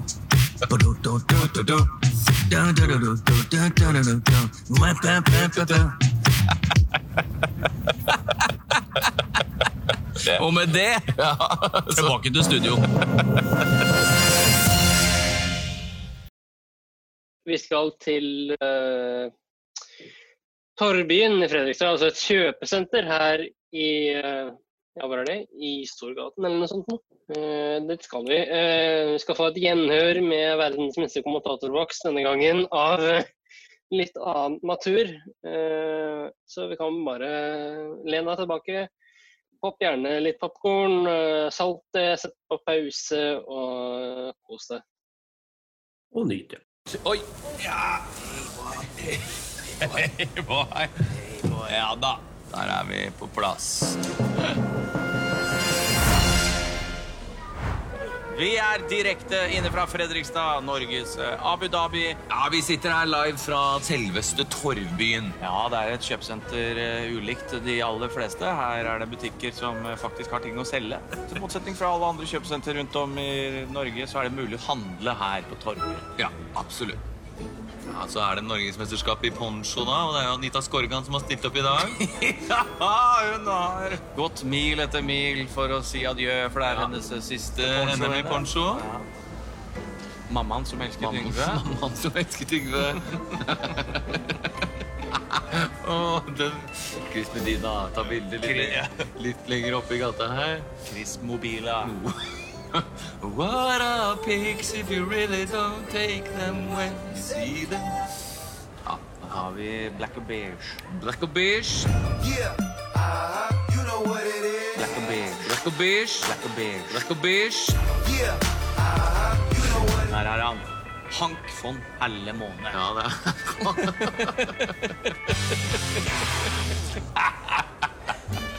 har vi Busy Gillespie. Han prøver å finne gaten sin, men ingen har sagt til han at dette er ingen flyplass. ja, gode gamle Margrethe Mønster. Torvbyen kjøpesenter er jo en labyrint å komme seg både inn og ut. Det har hun, som i Prison Break, fått uh, brodert på kroppen. Det er ikke dumt. Da har du Flava Flav. Ja, Flava Flav og hans uh, kone. Be Real. Britt Real, som hun heter. Britt Real. Ja, Britt Real. Er det Olaf Tufte, da? Det er roer Olav Tufte. Det roer seg vekk. Ja. Jeg har et smil på lur som uh, alltid. Ja, det er vel kanskje Hvis vi skal dele ut prisen til mest leopard i dag, så er dette her det mest leopardete trekket vi har sett, faktisk. Ja, hun er 50% leopard. Hun har fått blomster også for det, så det er ingen tvil om at det var en suksess. Da har vi Ja.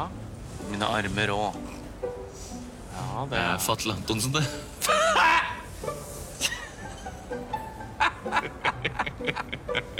da runder vi av, ja. ja. I NRK Hjelm i dag, kjære lytter, så skal jeg ta med både min kjære kompan og deg, kjære lytter, på en tidsreise til det herrens år 2006. 2006, Henrik? Ja. Hva skjer i 2000? Altså, det skjedde jo veldig mye i 2006, men er det noe spesielt du hadde i tankene eh, denne gangen? der, eller? Jo, i 2006, eh, sommeren 2006, så lagde Ylvis-brødrene et radioprogram på NRK P3 eh, som het som het O-fag, eh, og i det programmet så hadde Bård Ylvisåker, altså eh, mellomstebroren, en karakter, eller et segment, da, som egentlig var en eh, humoristisk nyhetssending. Eh, sånn, Ah, ja, ja, ja, ja, ja. Eh, og, den, eh, og litt av den tenkte jeg skulle eh, Og et utslag derfra, det skal jeg spille for deg i dag, kjære lytter. Det er bare, det er bare, til, å- bare til å nyte, for det, dette er kult. Nyte, for det er veldig gøy. Eh, men eh, det skal sies at eh, Bård Ylvesåker er ikke seg selv i det innslaget her. Han er en karakter som han lagde kun for det innslaget. Ok. Kjør på. Ok. Hei og eh, årsak til nyhendnad. Klokka er 12.50 og mitt navn er Brynjar Kvam. To ungdommer ble i går kveld savna like eh, utenfor ei sjølbetjent hytte i Jotunheimnaden. Tre av de to savnerne ble senere funnet, to ikke. To av dem ble sendt til Ullevål sykehus med store ryggsmerter, resten med helikopter. Det var to lavinehunder som fant de sakna, men det lukkes ikke Nyhenderedaksjonen å få kommentarer fra lavinehundene i går kveld. Nå uten Riks. Fem tyskere ble i dag funnet i Tyskland. Det var alt vi hadde fra Tyskland i denne saka. Årsak? Nå får jeg inn en meldnad inn på ørehinna mi. De har nå funnet enda en tysker i Tyskland, og det totale antallet er nå oppe i seks tyskere. Nyhenderedaksjonen jobber altså på spreng med å få en oversikt i Tyskland, men alt tyder på at tallet kommer til å stige de neste døgene. Det var alt fra Nyhende i dag. Mitt navn er Brynjer Kvam. Nå skal vi over, eh, kjære lytter, til en eh, landsby i Østerrike med et veldig spesielt navn, eh, hvor Nicolay Ramm befinner seg. Eh, mm, skal kalle han en eh, halvkjent NRK-profil. Ikke så veldig kjent NRK-profil der, altså. Det skal vi høre nå.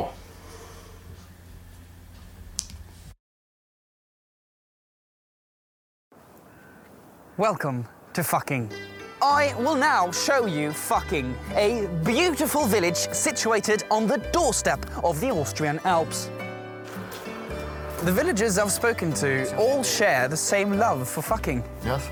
Fucking may be enjoyed in various angles straightforward, from behind, standing up, or lying down. And last but not least, it's very enjoyable in the air. Historically, fucking was mostly popular amongst men, but during the 20th century, women have also come to love fucking. One of the reasons being the growing of fruits and vegetables, such as bananas, cucumbers, and perhaps corn. Behold the fucking church. Of course, Catholic, with the priest currently away taking up a missionary position in Congo. Here we have the fucking school, where the fucking children learn everything there is to know about fucking. Ihr geht's in der Schule? Ja, zusammen. Zusammen. I must say, I more and more enjoy fucking children. They are really polite and so innocent. Sehr schön. And this is the special fucking farm, where if you spend enough, you can rent your very own fucking horse. Oh, oh. look at the black one. Such a stallion. Beautiful animals. And here, a woman who prefers fucking outside with the family dog. And I was lucky enough to meet the town mayor, commonly known as the motherfucker. If you're looking for the deepest fucking experience, I recommend this hole right here. Start with putting two fingers in. If possible, use your entire fist. In summertime, you can actually go elbow deep. It is a bit dirty. It smells quite peculiar, but afterwards, you'll reap the rewards of feeling this fantastic fucking soil. And that was all the fucking we had time for. But make sure you'll stay tuned also next week when we'll be visiting Sukatik, a rural village in the Czech Republic. This has been Nikolai Ram reporting for NRK. Bye bye. Over til noe litt hyggeligere.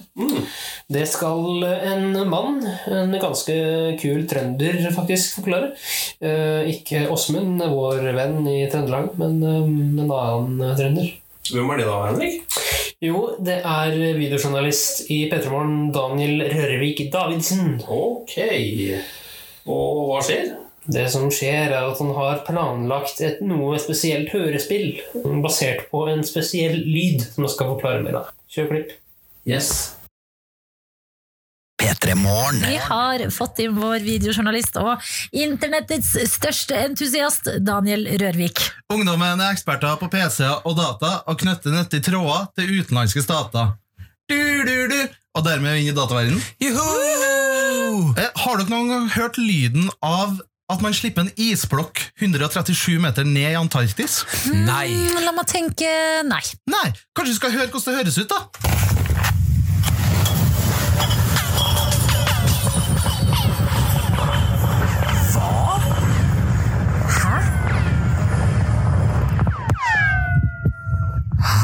Det er ABC News på YouTube som har lagt ut en video da, av eh, to forskere som slipper en isblokk på størrelse med ei juleribbe. Slipper en 137 meter ned på, i eh, sånn hull, hull i Antarktis, og det høres sånn ut. Men høres det sånn ut fra der de står? Ja, det ble filma på mobil der. Jeg angrer alltid når jeg hører om sånn her forskning, så da angrer jeg litt på at jeg ikke ble forsker. Ja, og det, Men det som er sånn fint med det her, da At jeg føler det, det høres ut som en Star Wars-film. Jeg synes det høres ut som sånn laserpistoler fra Star Wars. Så nå har jeg endelig alle ingrediensene jeg trenger for å lage min store drøm. Som er en, jeg lager en liten scene fra Star Wars. Så vi skal ha et hørespill nå. Eh, Jeg har skrevet et lite manus Oi! som jeg deler ut her nå. Et ark. etter til deg, Adelina. Etter til deg, Martin. Skal vi se. Um, og det som er greia at Tittelen på denne det scenen her fra Star Wars heter Chewbacca og Darth Vader på butikken. Hva, hva sa du? Chewbacca og Darth Vader på butikken. Men Chewbacca? Chewbacca? Ja, okay. ja, jeg tar sjølkritikk på den. Men Martin, du er, eh, er Darth Vader. Blir jeg Darth Vader, ja? Og Adelina, du er Chewbacca. Så bare okay. først, så vi alle er med på hvem Darth Vader er, skulle vi bare først høre hvordan Darth Vader høres ut. The Emperor does not share your optimistic appraisal of the situation. Så, så Martin, du skal ha en sånn stemme, ikke sant? Og Adelina, du er Chewbacca, og Chewbacca høres sånn her ut. Ja, Så du, eh, det er ikke noe mye eh, ord, det er bare en lyd. Ja, ikke sant? Du høres ut som du har den inn. Okay. ja, ja, Den var god. Ok, Skal vi bare gå rett inn? Jeg er fortellerstemmen. Martin er Chewbacca, nei, Darth Vader, og Adelina er Chewbacca. Ja. Så først, da. Tittel. Chewbacca Darth Vader er på butikken. Chewbacca, kan du hjelpe meg å finne melka? Hva slags melk liker du igjen? Er det skumma, lett eller helmelk? Chewbacca Darth Vader går til kassa og skal til å betale. Dama bak kassa spør Sjubakka skal du ha kvittering. En raner kommer inn i butikken og begynner å skyte med laserpistolen sin. Herregud, vi kommer til å dø! The end. Ja, velkommen til eh, NRK-eren i dag. Så skal vi eh, høre litt på eh, en parodi av Roar Stokke på en noe spesiell måte. Av eh, standup-komiker Rasmus Wold. Skal vi høre litt? Yeah. Dette er P3 Morgen med Martin og Adelina. Har besøk av Rasmus Wold, standup-komiker og generelt sportsentusiast. Det vi vet om deg, eh, Rasmus, det er at du har en ganske frekk eh, Roar Stokke-parodi. Hvem er Roar Stokke? Roar Stokke er min all time favorittkommentator. Det er han som kommenterer Champions League, og når jeg hører stemmen hans, da, da, da finner jeg roen, på en måte, innvendig. Da blir jeg bare sånn, ja, dette, nå er det ting som det skal være. Verden er i balanse. Verden er i balanse. Ok, du der ute, hvis du ikke har hørt Roar Stokke før, sånn høres han ut. Går for skudd, og det er vidunderlig av Son! Kommer skuddet,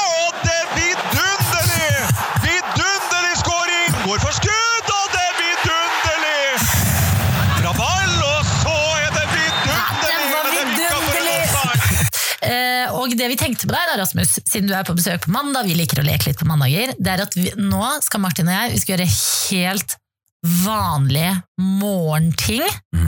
Eh, og mens vi gjør det, så skal du få lov til å kommentere det som om det skulle vært den mest spennende Champions League-finalen i verden. Da ønsker jeg alle som hører på, hjertelig velkommen til Stadio NRKs eh, på Della Marienlystad. Og det er to aktører som skal i aksjon, og det er Martin Lepperød fra Nesodden og Adelina Ibishi, som er fra Sarpsborg.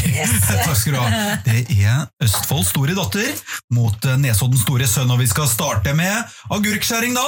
Og det er Adelina som går til verks, og og, det skjæres forsiktig. Tar ingen sjanser her innledningsvis, eh, Adelina. Og samtidig så, så heller Martin Lepperød juice i glasset, og han har det fra litt avstand da, og det ser enormt Det er fantastisk, Martin Lepperød! For en avstand han har fra juicen til koppen han heller og det er fantastisk levering fra Nesoddens store sønn! Og Adelina, hun følger opp, og det er fantastisk å se, hun tar ut en rugsprø! Se på dette, da! Den gamle dame fra Torino. Og der er rugsprøene Men så, hva, hva skjer nå, da? Hva skjer nå, da? Martin Lepperød stjeler rugsprøen fra Adelina, det skal jo ikke være lov! Det skal jo ikke være lov, Ivar! Og det er og det byttes, og det byttes rugsprø fyker over til Adelina. Og hun tar den tilbake og kjemper tilbake, og der er det 1-1 når det kommer til rugsprøytspising. Og så, får vi se da om det helles jus fra distanse og avstand også fra Adelina, eller om hun safer og heller rett i koppen. Se da? Og det er 8 cm, det er 9 cm, det er 10, og det ser 11 Vidar. Det er 12 cm, og det helles fra, og det er Å, der er det bom! Det helles appelsinjuice utafor, og det faller på gulvet! Og hvem er det som skal vaske opp dette, da? og der er Martin Lepperød føre var, og han er ikke etter snar, for han heller og legger avisen på gulvet, og der, når jusen er ute av syne, ja, da er den også ute av syne, Vidar. Tusen takk for meg. På NRK-en i dag så vil jeg både min kjære kompan og deg, kjære lytter, skal huske tilbake til tilværelsen som en liten baby. Oh yeah. Eh, Kan du, kjære huske tilbake til den tilværelsen? Nei, jeg gjør vel ikke det. Eh, Jeg kan jo huske sånne, kanskje sånne bitte små brokker når jeg var, kanskje var sånn to-tre år. Det gjør jeg nok, men eh, Det gjør jeg, men før det, si at jeg var ett år, da. Det, det husker jeg ikke. Men hva husker du? Hva, altså, hvor langt tilbake husker du? Nei, jeg husker fra jeg var sånn øh, Si øh, kanskje tre-fire år, da. Ja. Hva husker du best, da? Nei, så det jeg husker best, var, var faktisk en hendelse hvor jeg øh, Ja. Jeg husker mye. Ja. Jeg husker en hendelse hvor jeg faktisk spydde på brillene dine. Ja, det er helt riktig. Eh, Da var du faktisk ikke tre år, Henrik, men du, du var jaggu meg Ja, du var under ett år. Ja, eh, det er den tiden jeg vil du skal se deg tilbake til nå, Servitter. Når det var sånn cirka kanskje mellom et halvt og kanskje to år. Eh, For i dag så skal vi dykke litt ned i en uh, veldig voksen babys kjærlighet for grøt. Ja, grøt er in, skal vi kalle det. Ja, eh, det er en russeknute det her, da. Um, For å få en russeknute. Med det så tenker jeg bare vi kjører klipp. Vi kjører klipp. Jeg liker grøt. Jeg er så flau. Du skal late som en baby? Jeg skal late som jeg er en baby? Ja, i ett minutt. Og du må være, det må være skikkelig, skikkelig ekte, hvis ikke så får du ikke snuta. Og du skal snakke om at du elsker grøt. Da kjører vi ett minutt fra nå. Wagagago, wagago, wagago, grøt.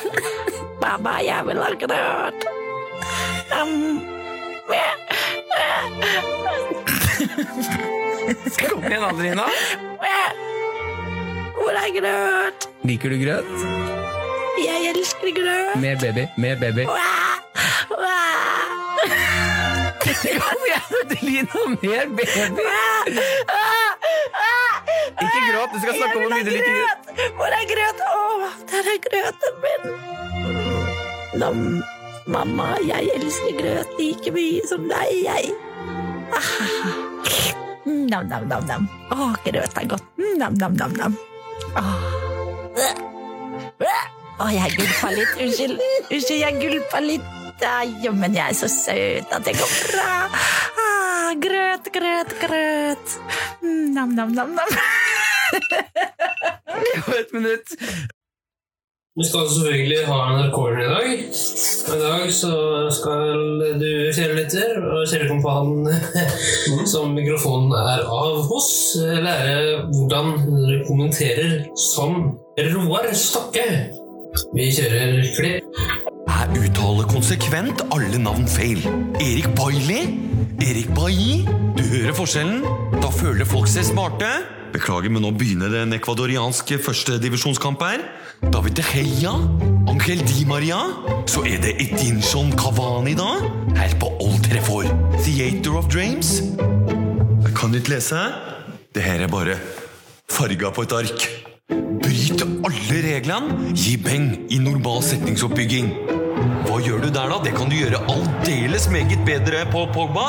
Ikke ueffent, det er aldeles for effent. Juani Turbe er jo Premier Leagues Gandalf. Er like Westham som en like kebab. Alt på, unntatt Moyes. Som kommentator som har fått satt ord på følelsene til spillerne.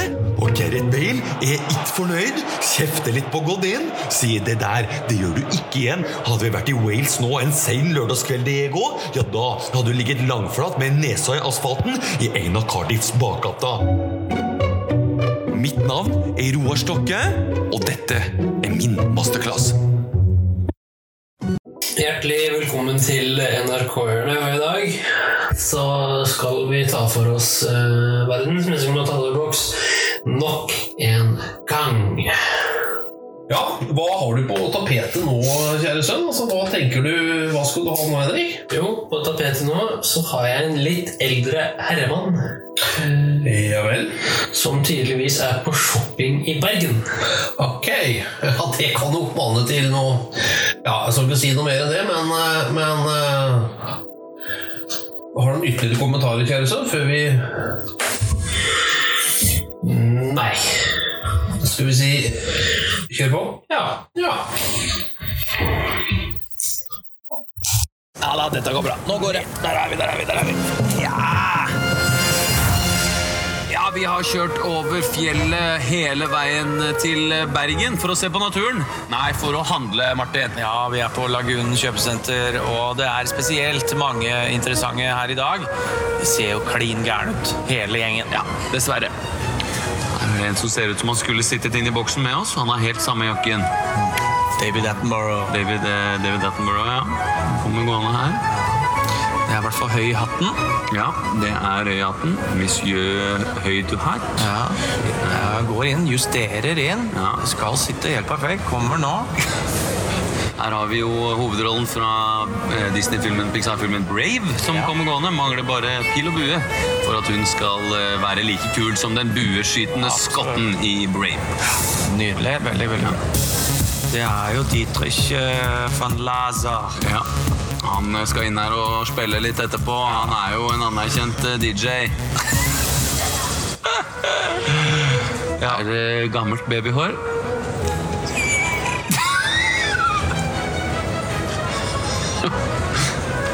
Her er hun, da. Vi har jo ventet nå hele dag på at du skal komme. Det er jo da Judy Dench. Dame du Judy. Ja. Bernie Sanders er på plass her i dag. Ja, det er gøy. Den demokratiske presidentkandidaten har tatt turen til Lagunen. Skal prøve å verve noen fans. Ja. Hvor kom han fra da? Poppa-pappa. Poppa-pappa, som kommer ut av ingenting. Kom ut av ingenting, og ingen som har sett den før. Plutselig dukker den opp bak juletreet. Ut og trille litt. Poppa-pappa. Poppa-pappa. Ja, så har vi oi. en eh, Scarlett Johansens bror. Ja, det er det. Scarleif Johansen. Der har vi også en liten veske, stor rem. Uforholdsmessig stor rem til eh, veska. Ja, kunne jo hatt eh, en gitarkasse eksempel i den remmen, men velger å ha en bitte, bitte liten veske. Ja, det er vel kanskje den mest glinsende frakken vi har sett uh, Ja, det tror jeg faktisk. Den er jo arvet fra Sin, sitt barnebarn? Uh, ja, Morpheus. Morpheus, ja. det er jo hennes barnebarn. Ja, det er jo Ingeborg Morpheus Hansen. Ja. En slags Olav Thommessen på vei inn uh... Det er den største differansen mellom uh, far og sønn vi har sett. Det er jo det som er med barn, da. De begynner små, og så vokser de opp etter hvert. Nei, men Det er vel Vestlandsmesterskapet i sleik, vil jeg si. Ja, det er en sylskap det kan brukes til å spidde med, den ja. sleiken der. Så er det dagens første astronaut. Trener nå på reise til Mars. Og da må man litt rundt omkring på kjøpesenteret og si farvel til alt man ikke har på Mars. Og i horisonten her så har vi en Martin Meyer-Olsen-karakter. Ja, det var alt vi hadde for i dag.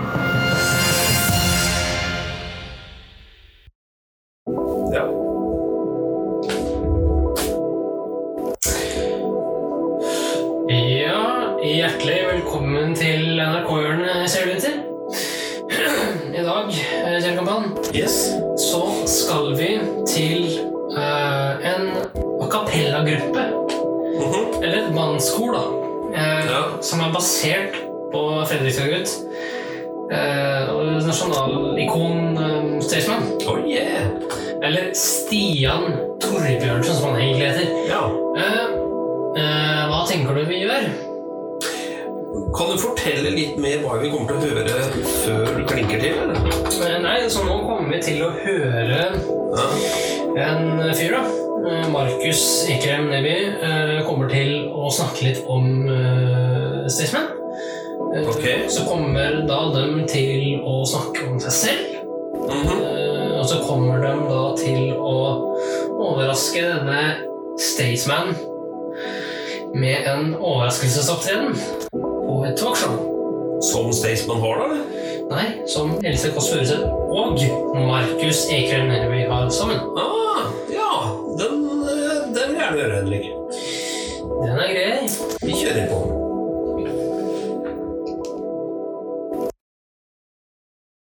Det Staysman ikke vet, er at han er ikke den eh, eneste Staysmanen som finnes. Det finnes flere Staysmans. Så i dag skal vi overraske Staysman med a cappella-gruppen The Staysman.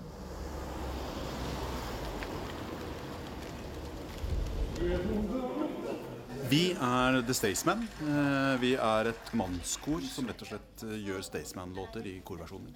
For, eh, med kjærlighet rett og slett til Staysman. To Staysman, tre Staysman, fire Staysman. Sammen er vi Staysman.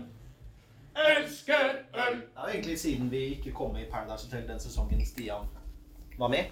At det var da vi liksom Det var da vi møttes, da. Og, og, og begynte å liksom ja, brainstorme på ideen og Jeg jo på aldersgrensa allerede da. på Paradise. Jeg var for gammel allerede. Vi trengte en dirigent. Da spurte vi Markus. Ja. Eller om han spurte oss, det husker jeg ikke. Jeg skjønte med en gang at han var skikkelig profesjonell, og han, da tenkte jeg dette Det var. Han kan vi bruke. Skikkelig trøkk på første time. Takk, takk, takk for oss. Det var veldig bra jobb med The Staysman. Det som er greia er at De er jo booka primært for å være skalla og ligne på Staysman. Det virker som de tar på en måte det å være en Staysman på alvor, og det setter jeg pris på.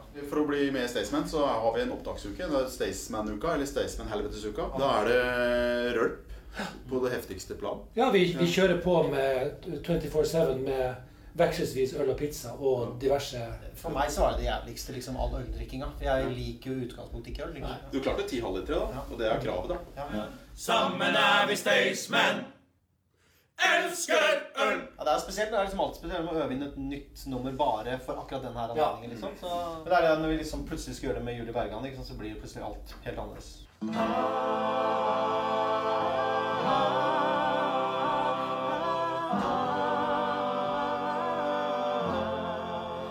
Altså Målet er jo å komme seg på Lindmo til slutt, på en måte. Det ultimate Ja. talkshowet.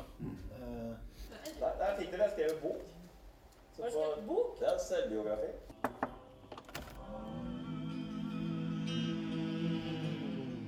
Da er vi klare. Da må vi opp. Opp? Ja. Det er jo første gang vi skal fremføre en låt foran Staysman selv. Altså Det er jo som nesten noen som synger et Beatles-kor, og Paul McCartney sitter og ser på.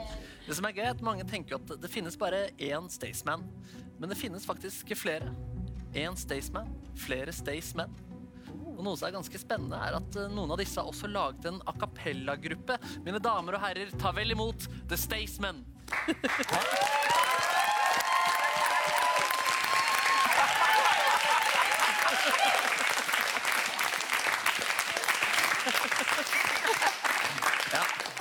Tre, fire. Dette er Øyvind, Og jeg synger dette er Niklas, og jeg synger dypest. Dette er André, og jeg synger best. Oh, oh, oh. Dette er Jonas. Ja, jeg er faktisk med, for det jeg ligner mest. Elsker øl.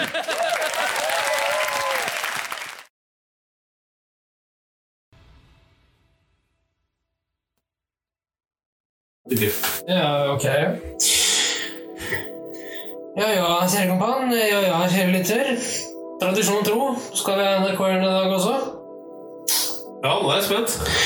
Jo, som jeg nevnte før vi begynte med dette her, så skal vi også reise i dag. Ja da. Eh, Vi skal først til Portugal. Ok. Eh, Nåtidens Portugal, antagelig. I form av Batman. Eh, Portugal og Batman? Ja, Vi skal til Portugisje Batman, som de kaller det. Okay. Uh, og så skal vi til Scottish Batman. All right, all right. Eh, hvor da Mikkel Niva og Herman Fredrik harselerer med Batman, portugisisk språk, skotsk uttale i podkasten Friminutt, som ligger på NRK Radio, eller der du finner podkast. Ja, det, det her blir interessant. Jeg synes, det, dette, er, dette her vil jeg høre på, Henrik. Da sier jeg en ting, og det er kjør klipp. Jepp. Hi, I'm back. Who are you? Batman. What? Yes, it's me. Are you the Portuguese Batman? Yes. Jeg visste hva han hiphop Portuguese Batman. Yes. Portuguese. Portuguese Batman. Portuguese Batman. Concordos esperados. Sí, El no, karate de los Batman. Falafel. Portuguese Batman. Falafel? Det åpnet akkurat en, og spytta en lyric der på falafel. Det syns jeg er sporty av deg. Det synes jeg er veldig sporty. Jeg hadde ikke noe Ja, det var eh, Men, men. Og portugisiske Batman. Ja, men, det, men vi kan prøve litt mer Det er jo ikke bare i Portugal, men de har det jo i Skottland også. Er Batman er kjempestor.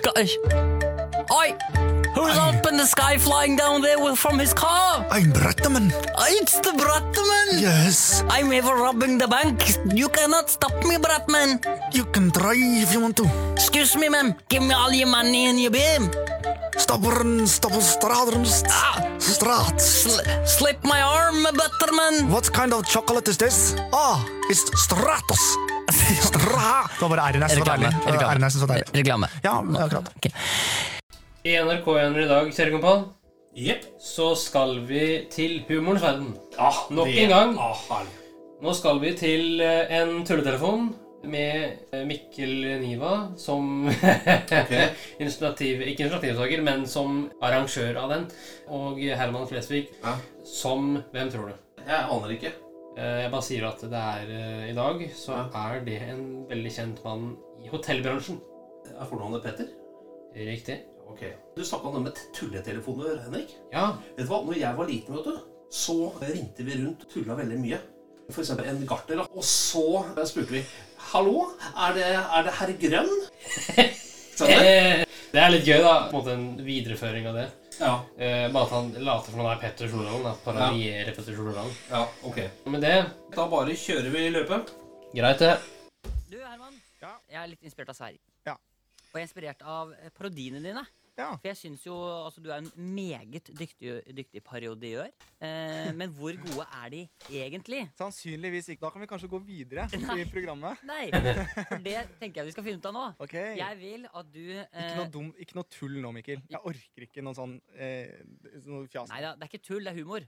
Ok, og det er det der. Jeg vil at du skal ringe til eh, et eh, Choice-hotell, et kongresshotell, Malmö. Det samme hotellet som Petter Stordalen åpnet med eh, jetski eller vannski for noen år siden. Og jeg vil at du skal ringe som Petter. Skal Og du må selge inn deg selv.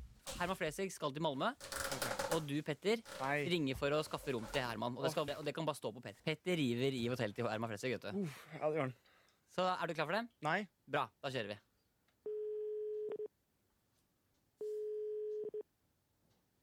Velkommen til bokningen. Du taler med Binta.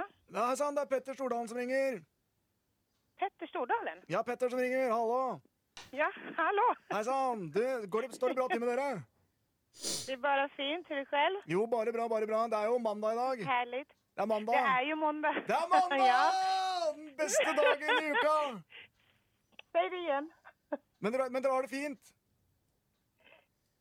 Du har, du har, du har, du, du har ingen påsk?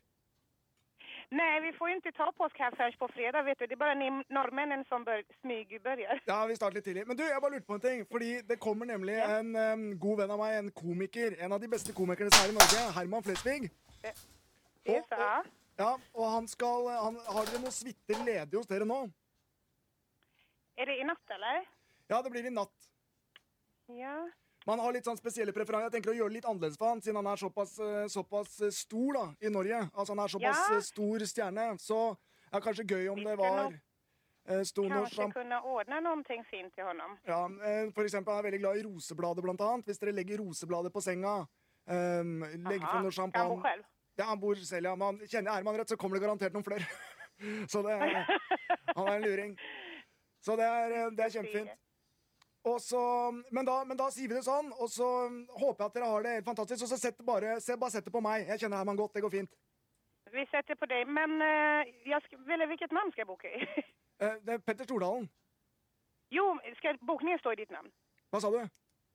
Skal bokningen stå i ditt navn? Ja, det kan du bare gjøre. Det går fint, det. Ja, ok. Eh, og vi skulle ordne med hva ekstra, sa du? Nei, bare, bare Dere er så flinke, så bare gjør, bare gjør det litt eh, spesielt.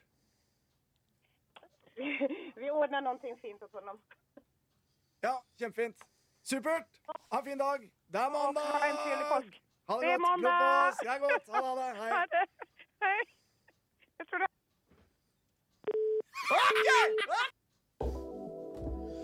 Ja, hjertelig velkommen til NRK-hjørnet i dag. Og Kjell Kompan, du har et ønske. Og det ønsket er Ja, det ønsket er herr Rosén Er vi i nerden. Ja, nå skal du få ønsket ditt oppfylt. Flott. Ærlig. I form av en sang han spilte. Ok. Eller han sang, da, Ja. under sangprogrammet Stjernekamp på NRK. Ja vel. Eh, en gang. Ja. Eh, hvor han synger la-la-la-la-la-la-la-la-la gjentatte ganger. Ah, Eh, Men vi skal en svifter innom P3 Morgen også, da. Eh, som spiller av dette klippet. Ja. Eh, skal vi høre det, da? eller? Ja, det må vi gjøre.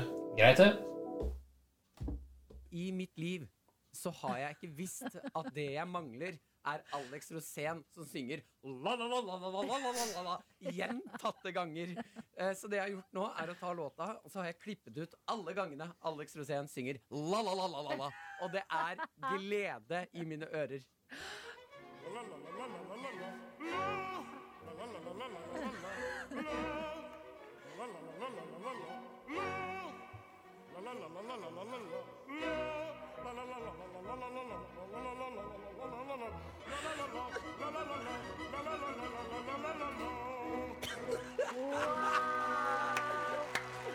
Alex Rosén! Livet er komplett. Tenker du vi skal runde av nå, eller? Det kan vi gjerne gjøre, Henrik. Det har vært en lang pod. Ja da. Det har vært en veldig hyggelig pod. Det har vært mange minner og gode stunder. Ja. Så jeg sier tusen, tusen takk for at vi nok en gang hadde muligheten til å spille podden sammen. Og jeg har storkost meg. Nei, jeg har også det. Med det Takker for oss og sier God dagen. Tusen takk for at du fulgte oss. Eh, Gi gjerne tilbakemelding, likes eller kommentar på Facebook-siden vår Generation X versus Z. Velkommen igjen til neste podkastepisode. Hei då. NRK-hjørnet, ja. Der er vi nå. Nå skal vi til uh, fag nok en gang. Ylvis-foreldrene i 2006 der, altså. Men hva skal vi til nå, tror du? Ja, nei, Du overrasker stadig vekk, Henrik, så jeg har ikke peiling. Nå skal vi til Bård Yrvesøkers persona Brynjar Kvam nok en gang. okay. Hva tror du han gjør denne gangen her, da? Ja, det, det, det vet jeg ikke, men eh, jeg gleder meg. Nå skal jeg gi deg en cliffhanger. I hvert fall prøve, da. Okay. Nyheter. Ok.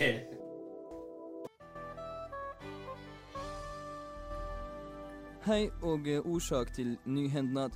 Klokka er 12.50 og mitt navn er Brynjar Kvam. To ungdommer ble i går kveld savna like eh, utenfor ei sjølbetjent hytte i Jotunheimnaden. Tre av de to savnerne ble senere funnet, to ikke. To av dem ble sendt til Ullevål sykehus med store ryggsmerter, resten med helikopter. Det var to lavinehunderør som fant de savna, men det lukkes ikke Nyhenderedaksjonen å få kommentarer fra lavinehundene i går kveld. Nå uten riks. Fem tyskere ble i dag funnet i Tyskland. Det var alt vi hadde fra Tyskland i denne saka. Årsak? Nå får jeg inn en meldnad inn på ørehinna mi. De har nå funnet enda en tysker i Tyskland, og det totale antallet er nå oppe i seks tyskere. Nyhenderedaksjonen jobber altså på spreng med å få en oversikt i Tyskland, men alt tyder på at tallet kommer til å stige de neste døgene. Det var alt fra Nyhenda i dag. Mitt navn er Brynjar Kvam. Nå blir det musikknatt.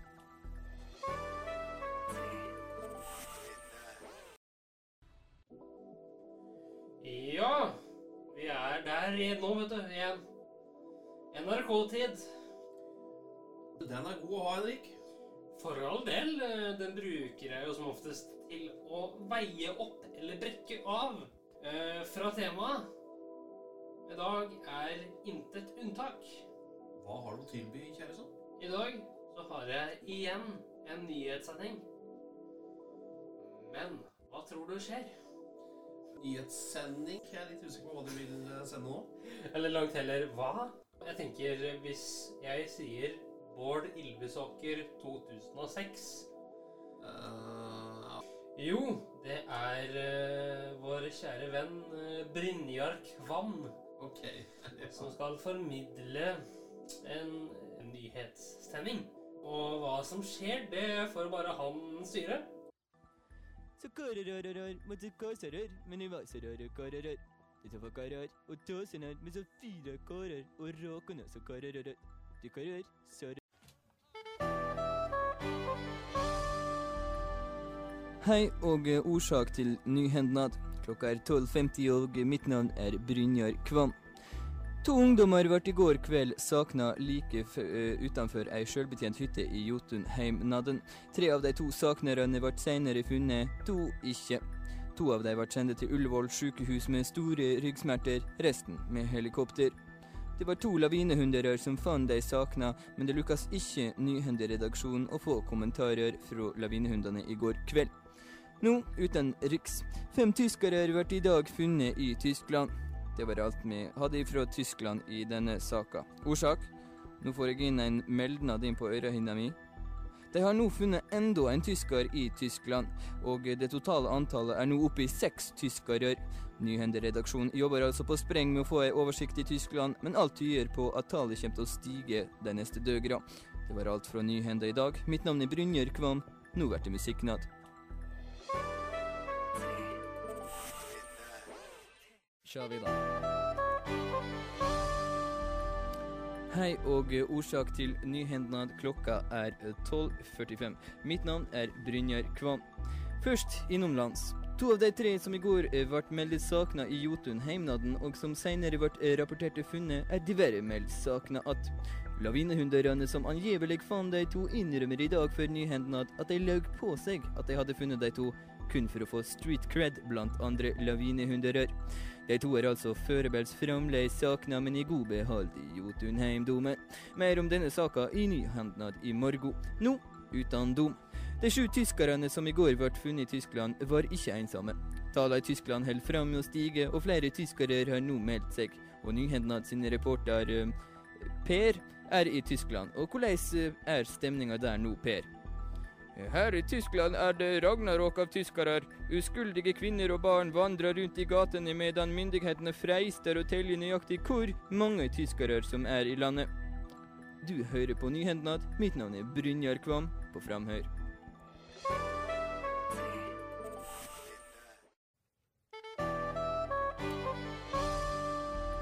Hei og årsak til Nyhendnad. Klokka er 12.47. Mitt navn er Brynjar Kvam. Først innomlands. Det er i dag tåke i Jotunheimnaden, og dette gjør leitinga etter de tre sakene svært vanskelig. Heldigvis ble ikke dette noe problem, siden alle de tre sakene i går kveld ble funnet i god behold. Samtidig begynner advokatene til de tre å forberede rettets gang mot eierne av Jotunheimdomen på bakgrunn av det som nå omtales som sakningsskandaler. I ei pressemelding heter det Jotunheimdomen er et latterlig og livsfarlig konsept. Det er dårlig skilta og lett å gå seg vill. Har du ikke med deg varme klær og proviant, er du helt fucka! De tre lover nå å legge ned all sin framtid i å freiste gjerdet inn Jotunheimen, slik at ingen råker ramle inn i ho. Så blir det spennende å se om hugnaden vonar de tre kring atleiken før treff not. Nå uten hende. Tyskland råker sjå seg utslegne i værskapsmesterleiken i rundball. Hvilke av de elleve svettende, dampende, muskuløse testosteronbombene som freista klevje den runde lefsa inn i nettnaden, lykkes med det, og sigøynerpakke fra Italia blir nå videre freista til finalesluttnad. Det hele ble avgjort i attåtomgjenga etter at domnaden adderer tre minutter til leiken. Leiken? Ja, leiken. Du hører Nyhendnad, og mitt navn er Brynjar Kvam på Framheir.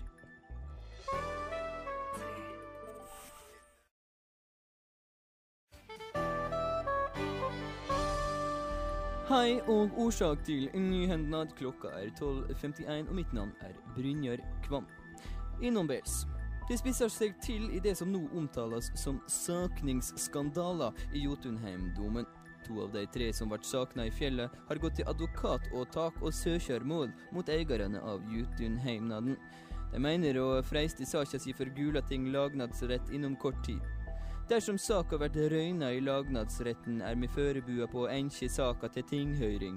Om tinghøyringa voter mot og vi får et leikmålsskjærutval, freistar vi høgtingrett med domstolsutval. Domstolsutvala plar felle nedkrenking av pulveriserende bevisdom, og treng soleis ikke søke inn saka for tinglysning hjå tredjepart.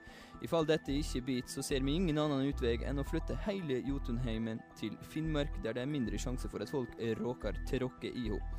Nyhende følger selvsagt saka med argusaugnad. Nå utom hus. Verdensmesterleiken i rundball ble i dag avslutta. Favorittlaget Frankrike vant 2-1 på attåtid i det som utvikla seg til å verte en spennende finale mot favorittlaget Italia. Italia var gode på dribling, finting, tesing, sprinting, rulling, klenging, filming, pressing, takling, sparking og skliing.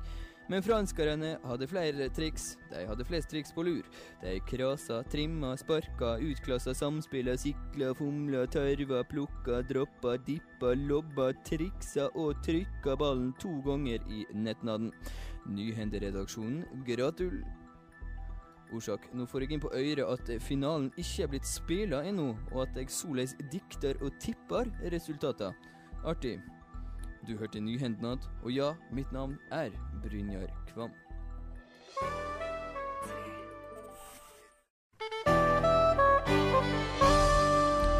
Hei og årsak til Nyhendnad. Klokka er 12.43, og mitt navn er Brynjar Kvam.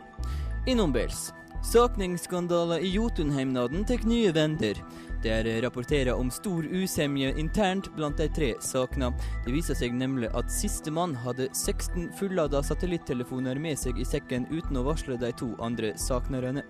Han skal òg ha tatt med seg tre telt, nødproviant for tre måneder, GPS, en jetpack, to firehjulinger med full tank, tre kasser nødbluss, sju spesielt, godt trente redningsarbeidere og et gjør det selv-hovedredningssentral-kit i sekken sin. Dette er uholdbart, sier en av de to av de opprinnelige tre. Han er en wannabe-sakner, og det han driver med har ingenting med sakning å gjøre. De vurderer også å attsøke falskneren. Det er fredag, og du får Helgemagasinet. her på Nyhende. Helga er her, og folk flest flokker seg rundt graut, speke, dravle, kolle, kumle og kompe for å ta helga fatt i kulinarisnadens teiken. Men i ei lita bygd vel en times kjøring fra Kvam bor en gutt som har ei litt av en historie å berette. Per Aslan på ni år var på vei til skolen og lot se seg naudsynt til å vente på bussen attmed den tungt trafikkerte riksveien, slik han gjør hver dag. Men akkurat denne dagen kom han på at mor hans Gunhild hadde glemt å lage suggebrødskolle, som er en kvamstradisjon og Per Aslans favorittåte. Han snudde seg for å attendevende til huset, og kort tid seinere råka et vogntog krasje og krase ned hele busstoppet. Jeg har alltid likt suggebrødskolle, men hadde aldri vona at kolla skulle redde meg fra å bli brutalt lemlesta, kveistra og most opp i en tragisk liten blodpøl med sørgende bivånere og rettslige slash emosjonelle konsekvenser, sier Per Aslan. Du hørte Nyhendnad, og ja, mitt navn er Brynjar Kvam. Dette er P3.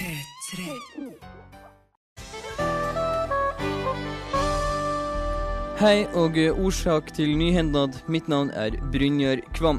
Innombels. Sakningsskandalen i Jotunheimnaden tar på nye på nye vender. Dette er nå den andre venda sakningsskandalen tar.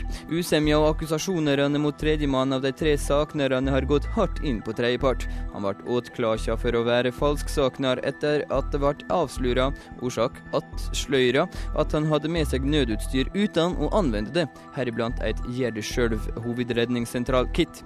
Jeg er ikke noen falsksakner, skal tredjemann ha sagt før han pakka snippsekken, tok bind for øynene og kasta seg ut i Jontunheimnaden helt ensom i går kveld, søndag. Han håper med dette å freiste beviset at også han kan melde seg savna, sjøl uten gjør sjøl hovedredningssentral-kit. Det har nett vært helg. Her er Helgemagasinet. Verdensmesterleikdomen i rundball er avslutta, men finalekampen får ringvirkninger.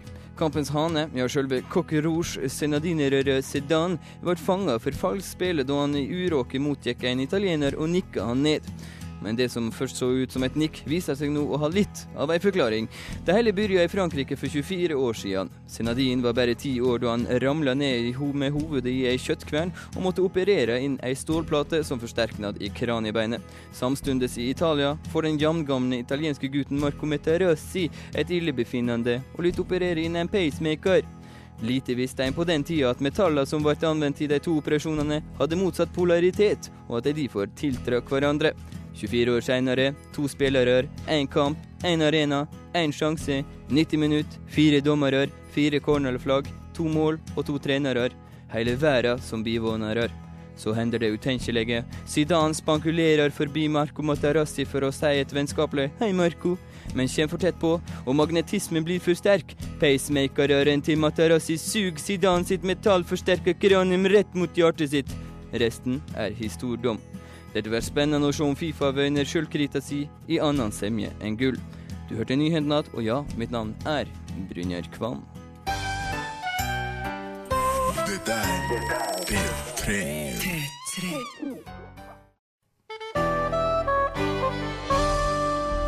Hei og eh, årsak til nyhendnad. Mitt navn er Brynjar Kvam. Innhendnad. En mann i 20-åra ble seint i går kveld funnet drepen i Jotunheimen. Polisen er ikke fremmede for at mannen kan være en av de tre som opprinnelig var savna i Jotunheimen, som ble funnet igjen, for så å søke tilbakesatt til Jotunheimnaden. Mannen, som skulle bevislegge at han kunne melde seg savna sjøl uten et gjøre det sjøl hovedredningssentral-kit, fikk altså ikke muligheten til det, ettersom han i går kveld ble brutalt drepen på bestialsk vis. Eh, Politierne vil ikke si noe om drapsmetoden, men de utelukker ikke kjøttøks. Førebels er de to eh, opprinnelige turkameratene mistenkte for drapet. Det er tre ting som peker i retning av disse to, sier senioretterforsker ved Jotunheimen politidistrikt til Nyhendnad. For det første så har de motiv.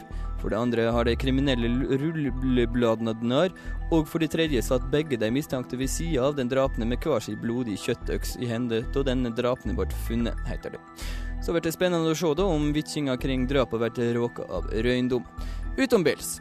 Det har blitt fred i Midtøsten i dag. Israel og Palestina har anerkjent hverandre. Fugler synger, muslimer og jøder leker seg i lag, kaster stein, tuller, okkuperer hverandre og ler godt av alt som har skjedd de siste åra.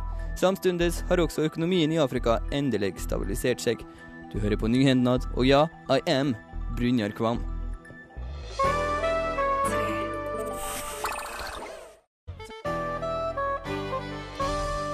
Hei og årsak til nyhendom. Mitt navn er Brynjar Kvam.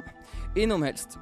Mannen i 20-åra som i går kveld ble funnet drepen, årsak drapen med ei kjøttøks, ble i dag tidlig i tolvtida identifiert som ei av de tre som nå bare er to. En av turkameratene er sikta i saka, men ser seg sjøl i motvare til siktinga. Det er ingen som peker direkte mot meg, sier han til Nyhende. Mannen som til daglig arbeider i familiebedriften Jotun kjøttøks og kistesnekkeri, hevder at politierne gjør en slett jobb som sikter ham på bakgrunn av de fire tidligere øksemordene han har råka. Herregud, er det ikke lov å gjøre feil, eller? Å glippe og glemme seg og dulte borti noen med ei lita øks på fest? Og råke trimme noen med hekkesaksa? Herregud. Politiet er ikke ensomme. De vil sikte mannen sjøl om han sjøl hevder at han nå bare er en festlemlester. Nå utomfjords. Hiv-viruset har i dag frivillig slutta å reprodusere seg. Det er uttalt i dag i ei pressemelding at det har forståing for at det har råka masse usemje i været, og årsaker dette. Samtidig har malariamyggen dødd ut, og temperaturen i Sibir stabiliserer seg. Yes, ladies and gentlemen, you're listening to Nyhendnad, and my name is Brynjar Kvam.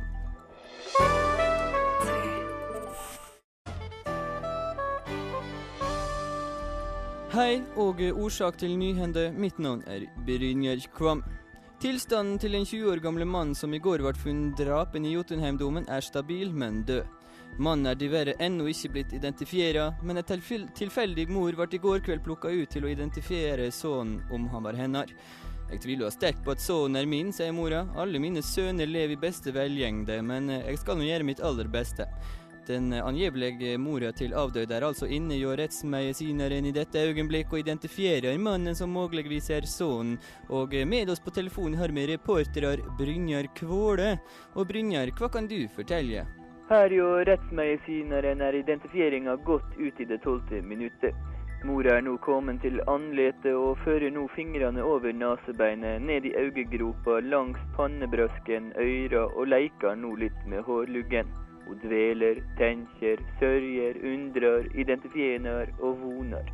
Det er spennende da å se om hun røyner at dette er sånn som hun en gang kanskje var så glad i. Takk skal du ha, Brynjar. Nå utvendig. Freden og våpenkvivla som kom til Midtøsten på tirsdag, ser ut til å vedvare. I dag er stemninga bedre enn noen gang. I ei pressemeldnad heter det at israelerne tøyser litt med flyplassen vår i dag. Tihi, det var dødskult, akkurat som på film. Kos fra Pallis. Det var alt vi rakk i dag. Takk for ei kjempesending med Nyhendnad. Hvem jeg er? Ja, jeg er Brynjar Kvam.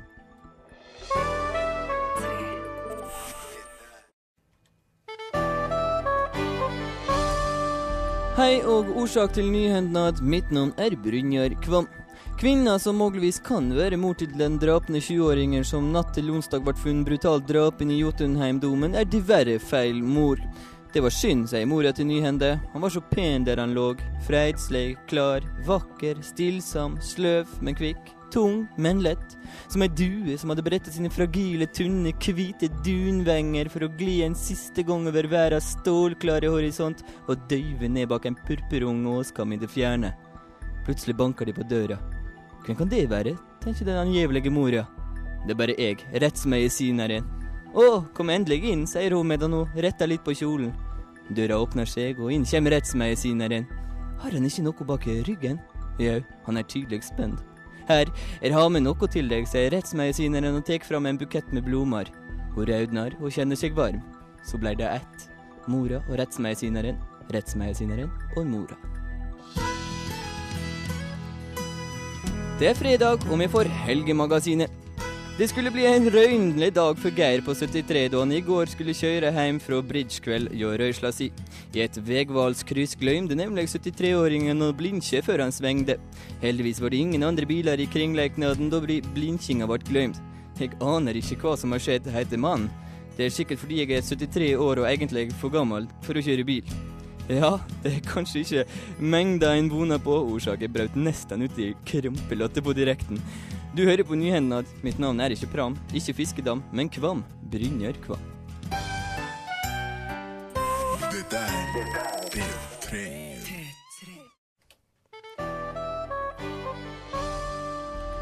Hei og årsak til nyhendnad. Mitt navn er Brynjar Kvam. Kvinna som fredag kveld ble kurtisert av rettsmedisineren da hun skulle identifiere liket etter det som angivelig kunne ha vært sønnen hennes, åtklarer nå rettsmedisineren for kjønnlig trakassernad på offentlig likskode. Rettsmedisineren stiller seg uforberedt til hele åtklassa. Jeg pleier nå alltid kurtisere likskådere. De har behov for litt nærleik, traust, kos og klems. Å, jeg elsker likskådere. De er så fine. Kom da, likskåderen. Ja, kom, likskådererne. Kom da. Ja, så fint. Likskåderkvinna på si side er ikke glad i merksemda hun har fått i det som nå kalles likskådeidentifieringsrettsmedisiner og klagingsskandaler. Likevel lanserer hun i dag vevsida likskåderkvinna.com, der en kan laste ned likskåderinjetoner og bakgrunnsbilder. Det blir spennende å se om vevnaden voner røynda si på fjernmanns anledd. Nå utenfor. Lasttravels.com lanserer nå pakketurer i samarbeid med UD til ferieparadiset Beirut for en rimelig penge. Her blir det guidede turer til Jerusalem, sykkelturer til bosetninger i Gazastripa og flaggbrenning utenfor ambassader. Du hørte nyhendene. Mitt navn er Brynjar Kvam, men du kan kalle meg Brynjar Kvam. P3.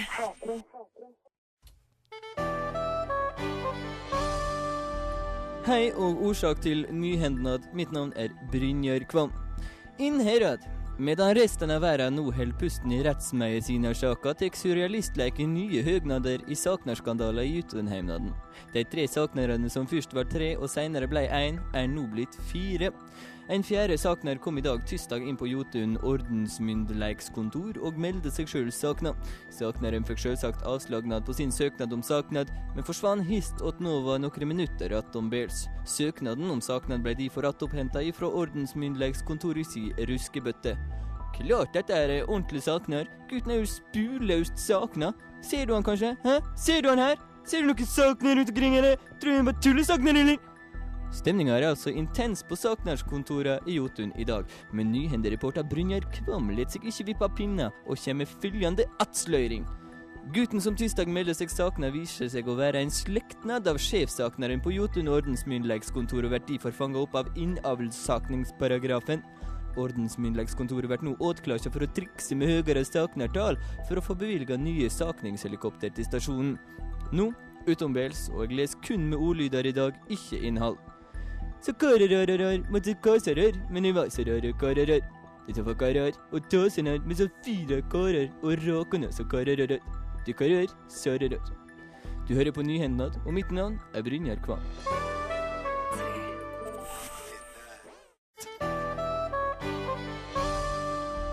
Hei, og årsak til nyhendnad. Mitt navn er Brynjar Kvam. Innherad. Det er duka for intern granskleik i det som fremdeles blir kalla den store sakningsskandalen i Jotunheimnaden. Hovedredningssjef på ordensmyndighetskontornaden i Jotun blir i dag åtklasja. Årsak audklasja. Nei, nei, attklasja.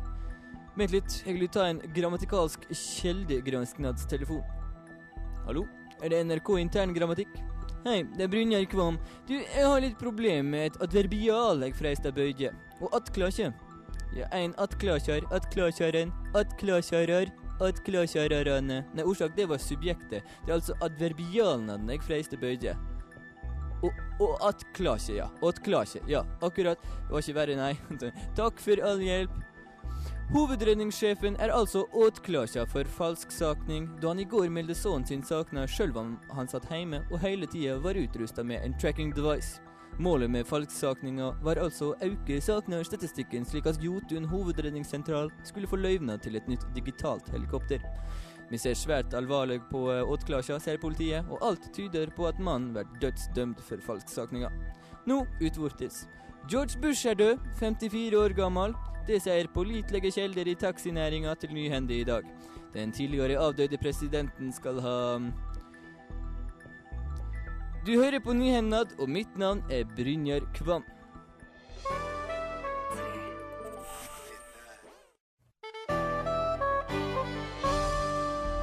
Hei og årsak til Nyhendad. Mitt navn er Brynjar Kvam. Inn her, Rød. Mannen som i går ved eitida ble fucka av politiet for falsksakning av sin egen sønn, ble i dag i eitida dømt til døden og hengt på Jotun torg. Seremonien ble en folkefest av de store, og ordførere fra hele Jotun var samla kring henretnaden.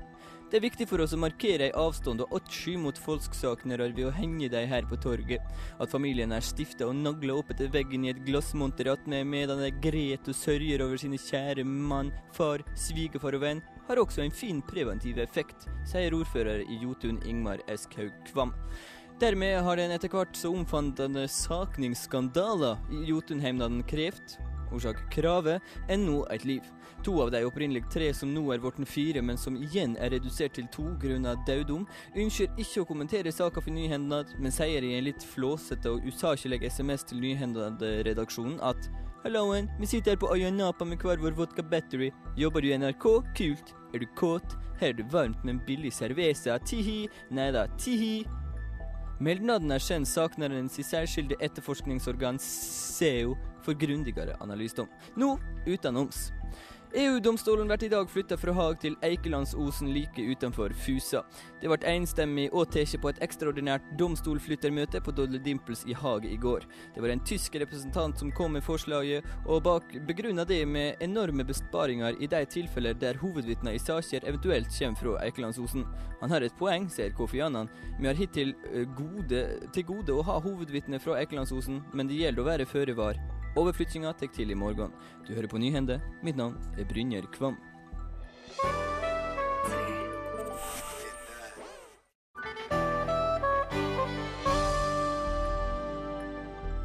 Hei og årsak til Nyhendad. Mitt navn er Brynjar Kvam. Inn Innherad. To afghanere ble i dag tidlig funnet i Oslo sentrum. Det er uvisst om de to er savna, sier fungerende politileder Gustav Kvam, men vi er uansett glade for at de nå er funnet i god behold. De to afghanerne ble funnet akkurat idet de skulle gå inn i en 7-Eleven-butikk, angivelig for å handle, eventuelt ikke. Korkje av de to eh, ville frivillig late seg finne, og hevde at de og jeg siterer, bare skulle kjøpe seg en troika hver og rusle nedover Aker Brygge. Politiet kom lukkelig fort til stedet og fikk lagt afghanerne i jern slik at de kunne vært funnet. De var tydelig omtåka og forvirra. Stakkarer, hvem veit hvor lenge de har virra rundt i sentrumskjerna på egen hånd. Nyhendad vil sjølvsnadd fylje om byvitjinga blir råka av ei mellombels røynt. Det er fredag, og du får Helgemagasinet.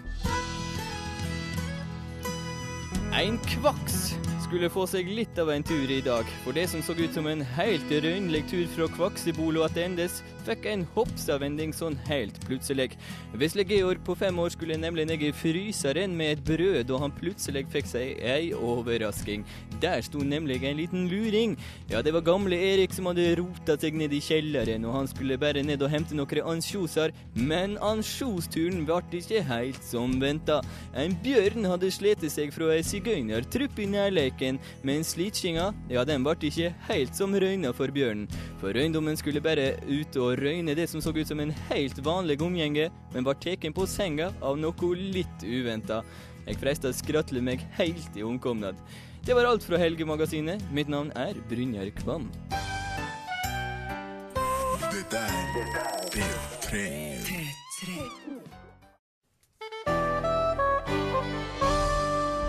Hei og årsak til nyhendnad. Mitt navn er Brynjar Kvam.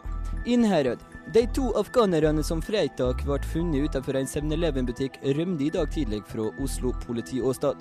Afghanerne som ble lagd i jern fordi de ikke ville late seg finne, hevda hardnakka at det ikke var sakna, og at de bare, og jeg siterer, bare skulle kjøpe litt fullkornbrød til familien. Det er ikke første gangen vi hører den unnavridninga, sier fungerende politileder Gustav Kvam. Å rømje er uavvitende ei straffsam værsle, og afghanere lyt lære seg norske sakner og finneregler slik som alle andre, heter det i pressemeldingen fra politiet.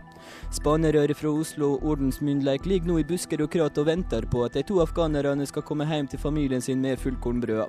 Vi håper å ta dem før de entrer husene, slik at vi slipper unødsamvalg, eller i verste fall å lytte finne hele familien.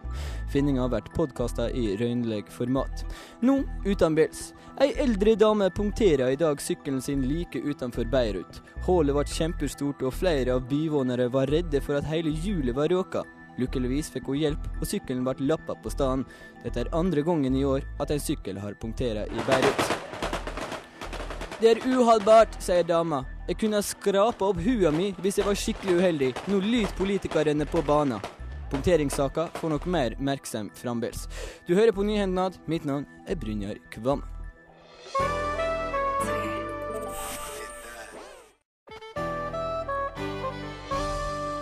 Hei og god sak til Nyhendad. Mitt navn er Brynjar Kvam. Hallo? Er det noen her? De to afghanerne nærer seg huset sitt med fullkornbrødet i henda. Inne venter familien på seks spande. Afghanerne venter, sanser, ser, lukter, hører. Den ene afghanerne ser på den andre. Det er snut her, sier han. Hva avdeling? Spanere, sier han. Jeg tør banne på at det er spanere. De to ser på hverandre og gir tegn. Helvete! Området er boobytrappa, sier en av afghanerne. Vi står midt i et minefelt. Kom, denne veien. Afghanerne lister seg ut av minefeltet på tå hevnad. Sambeils inne i huset kvakner Gunnar Kvam til. Helvete, de kom seg unna att, sier spaneren og tar seg en siste slurk i kaffekoppen som nå alt er blitt kald. Ei jente sitter i vinduet og gret, men hun smiler. Hun smiler. Nå utombils. Den eldre dama som i går punkterte crossykkelen sin like utenfor Beirut, hadde skikkelig ulykke da hun i dag kom tilbake til åstedet og sykkelen sin. Det viser seg at hele felgen er ødelagt, og at hun nå lyt bytte både felg og dekk. Dette ble mye dyrere enn venta, sier hun til Nyhende. Nå lyt politikerne på banen. Flere av de lokale innvånerne tar nå til munglefs mot styresvirksomhet i Beirut i det de nå kaller sykkelskandaler. Dama er 90 år gammel, hun kunne slege seg stygt, sier en engasjert landsbylekjør. Lykkeligvis kom dama fra det uten ei skramme. Du hører på Nyhendnad, og mitt navn er Brynjar Kvam.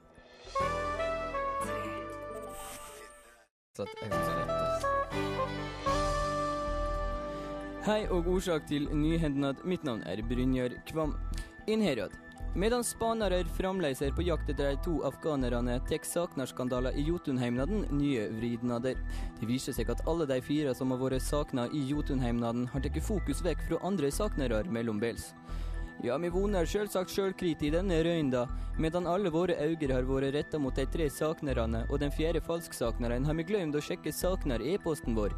Det viser seg at 234 turister har sakna hopa seg opp i Jotunheimnaden mellombels. Dette kan uroe store sverleiker for ordensmyndighetene i Jotun. Ja, det er bare Egil som er på jobb i sommer, men kalkulasjoner viser at han voner å finne alle de 234 turistene om det digitale helikopteret blir tinga fra samferdselsrøysla så fort som freistnad. Og nyhendnad tinga sjølvrøynd i jevnaden i morgenbels. Nå, utom nytt. Afghanske myndigheter er blitt kontakta i afghanersaka, og bekrefter at to afghanere som skulle på, og jeg siterer, en liten rusletur i det afghanske fjellheimen i forrige uke, ennå ikke har kommet attendes. Spekulasjoner går nå ut på om dette kan være de samme afghanerne som fredag ble funnet mot sin vilje i Norge, og om det kan være teleportisk forbindelse mellom de to landene. Du hører på Nyhendnad. Mitt navn er Brynjar Kvam.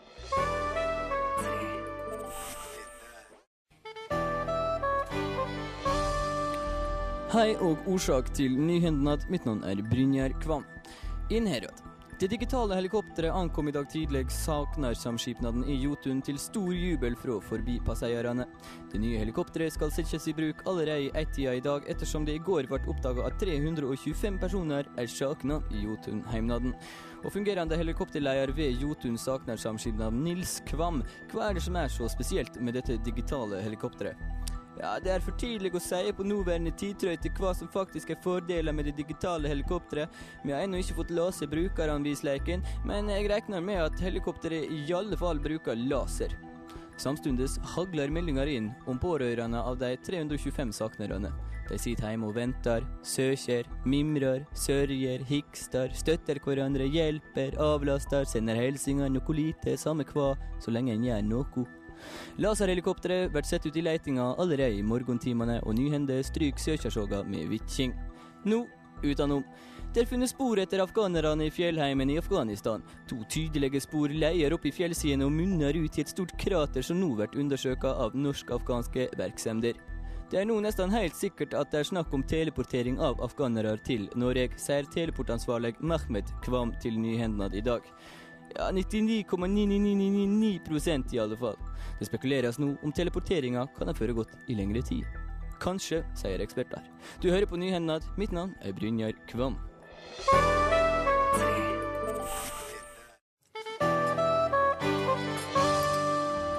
Hei og årsak til nyhendnad. Mitt navn er Brynjar Kvam. Innherad. To vitjarar vitja i dag ei stavkirke i Borgund. De vitja kirka midt i ei viing, men understreker at verken vitjinga eller viinga ble prega av hverandre. Vitjarane var av utenlands opprenne, resten ikke. Det var ei fin vitjing, sier herr og fru Xing-Shang, som kommer fra Kinaland. Herr og fru Xing-Shang på vitjing fra Kinaland skal bygge seg et kinahus på ei vakker kinastrand. De vitjar og vonar med viing og blomar, så er de vortne kinadame og kinamann. Men leder ved Borgund staurkirke, er jammen snøgde med kinavitjarar. Ja, det er jo kjekt med vitjarar, men blitsinga uroer videre. Han vurderer å gå til kjærmålsutvalg mot kineserne. Nyhandlad røyner saka via VAP og PSP. Det er fredag, og du får litt av en overraskelse. For det som alle trodde skulle bli et helgemagasin, tok plutselig en helomvending på desken. For det som skulle være en rutinetur fra kontoret til printeren, enda mest med skandale for Brynja Kvam.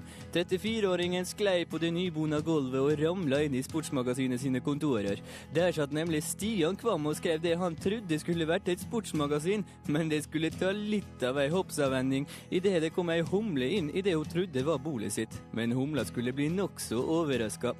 For det hun trodde var et humlebol, gjorde Stamsundes litt av ei hei hvor det går vri om peis og krokka og krasa ned i gulvet og slapp ut tusener av små humleunger i hele distriktskontoret her i Hordaland. Ja, jeg må mest vride meg på gulvet i krampesmilnad. Du hører på Nyhendad. Mitt navn er Brynjar Kvam. Det er P3.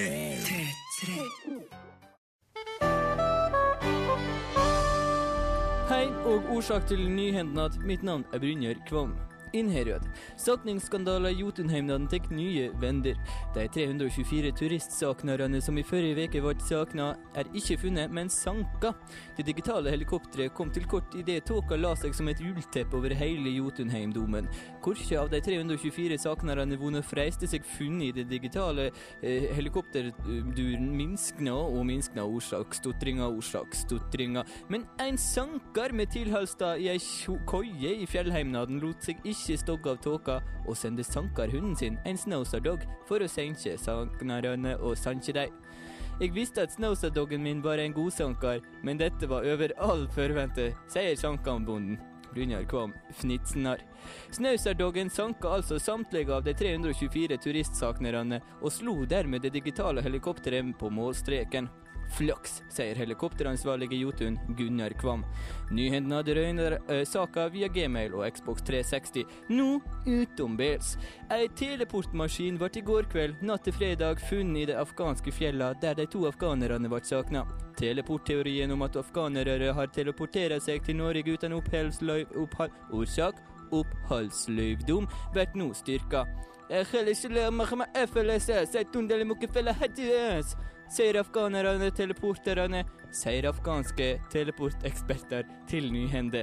Vi forstår ikke hverandre, men har det veldig fint sosialt, sier norske eksperter som samarbeider med afghanerne på åstedet. I morgen skal de ta fatt på gjenoppbygginga av teleportøren. Du hører på en litt fnisete det reporterer i dag. Mitt navn er Brynjar Kvam.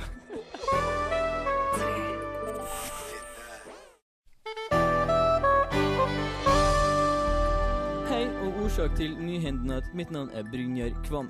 Innherad. Snåsardogen som i går ble innsaken i sakningsskandaler i Jotunheimnaden, og som gjorde rent bord i den påfølgende sankinga, avla i dag positiv A-prøve på det sankingsframhevende veksttestosteronet episnauser. Dermed er sankinga mest sannsynlig ugyldig, og de 324 tysk turistsaknerne må altså bo seg på å muligvis måtte utplasseres i Jotunheimnaden igjen. Es ist verdammt. Wenn Sie glaubst, dass du gefunden ist, dann kommst der verdammte Schnauzerdog mit einem positiven A-Teste. Was in die heiteste Himmler ist das für eine Dog? Ich begehe so wahnsinnigste verdammt aus diesen ins Jotunheimer und das ganze idiotische Schnauzerdog. Ah, verdammte Schnauzer! Sier en av de forbanna og savna tyskerne. Mistanken ble fatta av en fatter i Jotun fatterkontor i tolvtida i går. Når en har fatta såpass mye som jeg har, så er, det, så er mistenke noe av det letteste å fatte. På en fattingsskala så pleier vi regne at å mistenke, eller det en mistenke er en mistanke, er en einer, altså rimelig lett å fatte. Eller lettfattelig, som det heter. B-prøva til Snowset-doggen kommer i morgen. Nå uten blest. Forskere til NTNU i Afghanistan tok i dag på gjenoppbygginga av teleportøren som i mange årleiker er blitt utilisert for å teleportere afghanere til Norge og dalstrøka innafor. Vi har en idé om hvordan denne teleportøren skal se ut, i alle fall. Vi vil at den skal være litt hvit, med litt sånn grønt krimskrams ned på sida og noen stikkere i cirka brysthøgde rundt hele skåla. Akkurat hva listverk vi skal bruke og hva farge vi eventuelt skal måle det i, er ennå ikke sant, men det blir vel noe litt off-white. Og så blir det en god del ledninger og vaierrør, regner vi med. Og mannen som drog denne nysendinga i havn, ja, han heter Brynjar Kvam.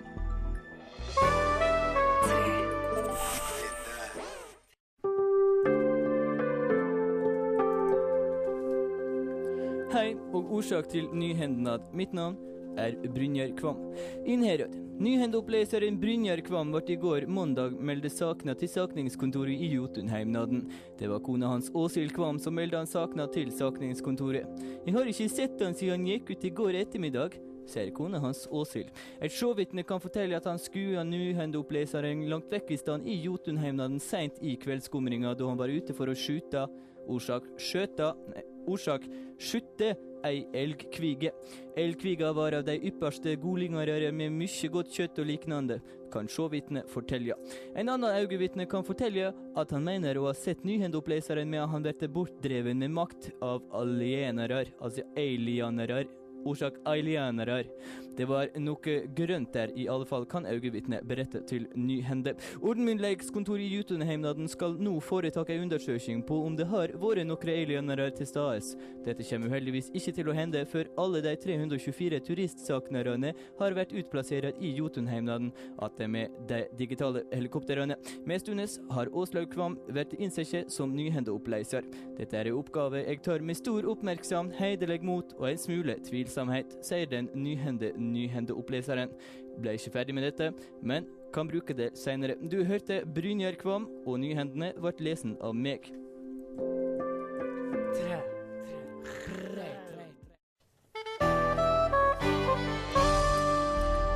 Hei, og årsak til nyhendnad. Mitt navn er Brynjar Kvam. Fatteren som mandag kveld fatta mistenke til Snowserdoggen, viser seg å fatte rettere enn først antatt. Snowserdoggen avla altså ei A-prøve som testa positivt på det sankingsframhevende testosteronet episnauser, og avla i går ny B-prøve. Også denne prøva testa positivt. Mistenka ble fatta idet Snauserdoggen sanka hele 324 turistsaknere i Jotunheimnaden på bare noen få minutter. Dermed blir doggen diskvalifisert, skutt og utestengt fra Jotunheimnaden for all fremje, medan alle de 324 saknerne lyt finne seg med å bli attutplassert i fjellheimen att. De to Big Brother-kjendisene Anette Young og Rodney Carlsen skal ikke være blant de 324 turistene. Nå uten hernad. I Afghanistan ble første, teleporteringstestnad i går utført, og det var stor jubel i det store deler av det, i det store deler årsaksstotringa. Det var store jubel i det store deler av ei uskyldig dame var teleportert med hell fra Afghanistan til Norge. Vi er veldig happy med resultatene, sier fungerende teleportansvarlig Terje Kvam til Nyhenda.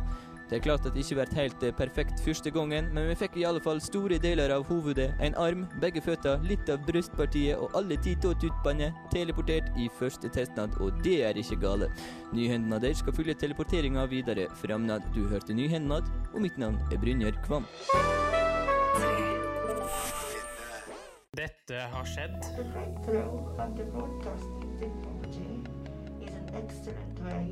To speak to you as your queen and empress. Generation X versus Z.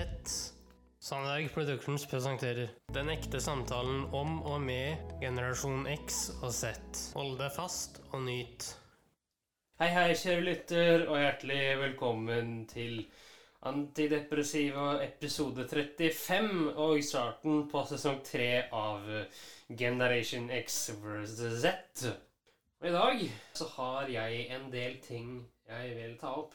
Ja, og jeg eh, sitter her med et glass eh, Biola og er spent sjøl på hva min kjære sønn kommer til å finne på. Det er eh, huskestue i dag, og jeg blir satt på prøve. Ja, det er en ny spalte. Det kommer vi til senere. Ja. Eh, vi begynner nå eh, pent med en symbolsk åpning av kong Olav den av Norge. Yep. Eh, den talen ble holdt når han åpnet fjernsynet i 1960.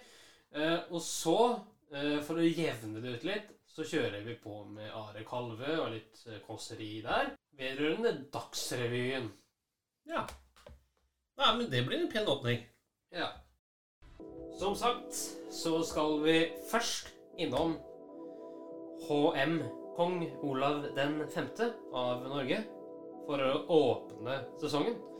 Eh, og så, rett etterpå, så kommer Are Kalvø for å jevne det ut med et kåseri som for mange er eh, kanskje litt fornærmende. Eh, fordi det tar for seg Dagsrevyen. Men jeg tror dette blir fint, jeg. Ja, eh, husk at da sitter man jo nærmest som slaver når Dagsrevyen går. Ikke det at jeg gjør det, men eh, de aller fleste gamle Gamle menn og damer sitter jo som slaver foran TV-skjermene når Dagsrevyen kommer på lufta. Så det her blir gøy. Ja, ok. Jeg er glad for å kunne være til stede her på, KRIG i fjernsynsstudio og, bidra, og gi mitt bidrag til å markere betydningen av dagen i dag for norsk fjernsyn.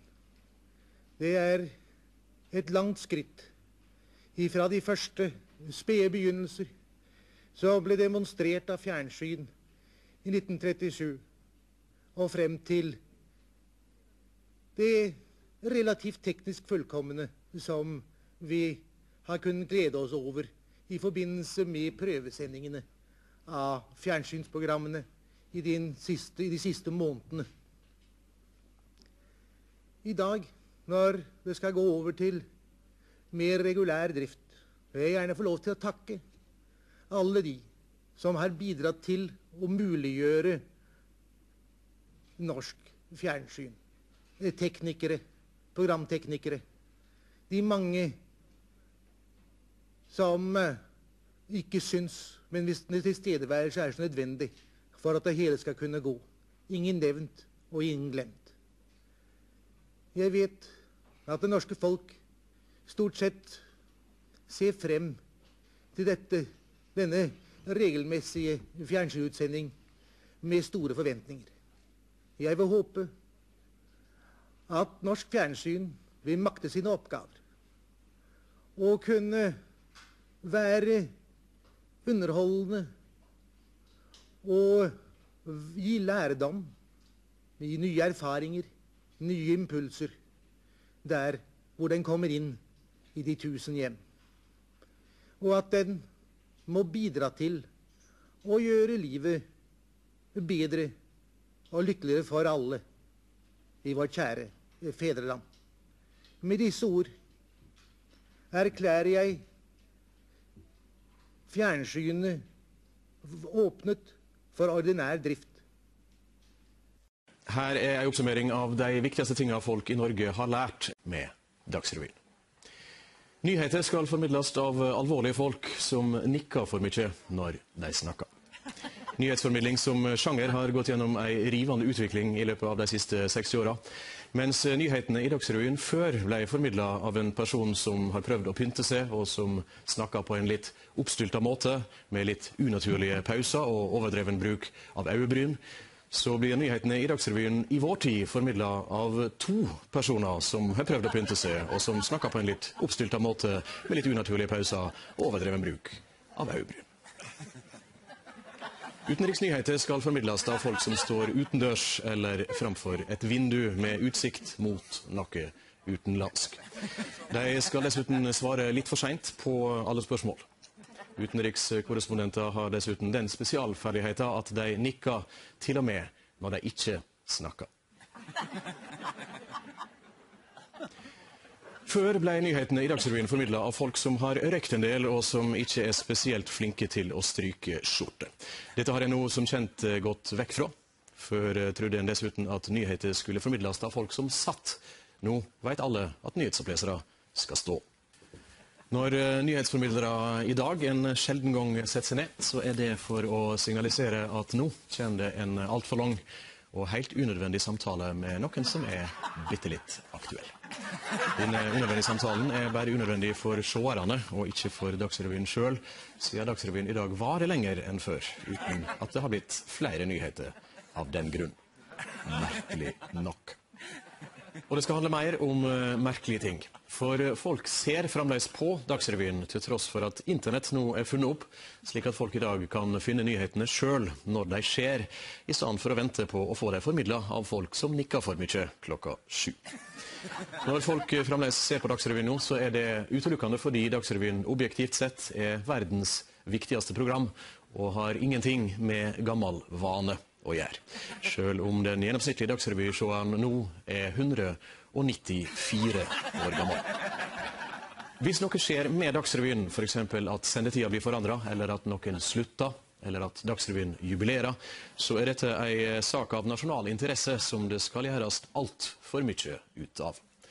Det er også tilfellet hvis Dagsrevyen jubilerer med noe som strengt tatt ikke er et skikkelig jubileum, f.eks. når Dagsrevyen fyller 60 år. Dette var en oppsummering av de viktigste tingene folk i Norge har lært med Dagsrevyen. Selvfølgelig NRK-hjørne. Ja da. Og i dag så skal vi høre litt uh, vitte kommentarer. Ok. Fra um, verdens minste kommentatorboks Ok, ja. på Nydalen i Oslo, eller uh, Sankthanshaugen i Oslo, uh, som står ved et busstopp. Eh, Glem meg. Det blir bra, det.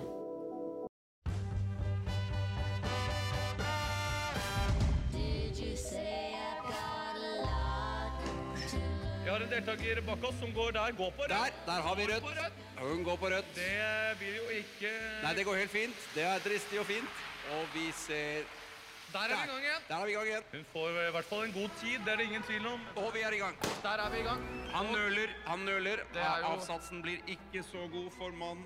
Svensken i grått her som gjør det veldig godt, mens veldig polakken godt. bak sliter mer. Her har vi svensken. Ja. Går rett på venting. har Vi har da vi har da overgang til vent, og vi er i gang med ventingen. Der.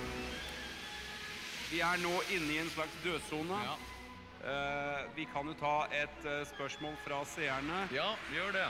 Har du lyst på meg? står det her. Tine, ni år. Tine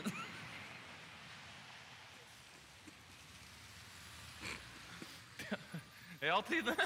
Hva sier man til sånt? Det er alltid hyggelig med oppmerksomhet, men eh, man burde passe seg litt når man er såpass profilert.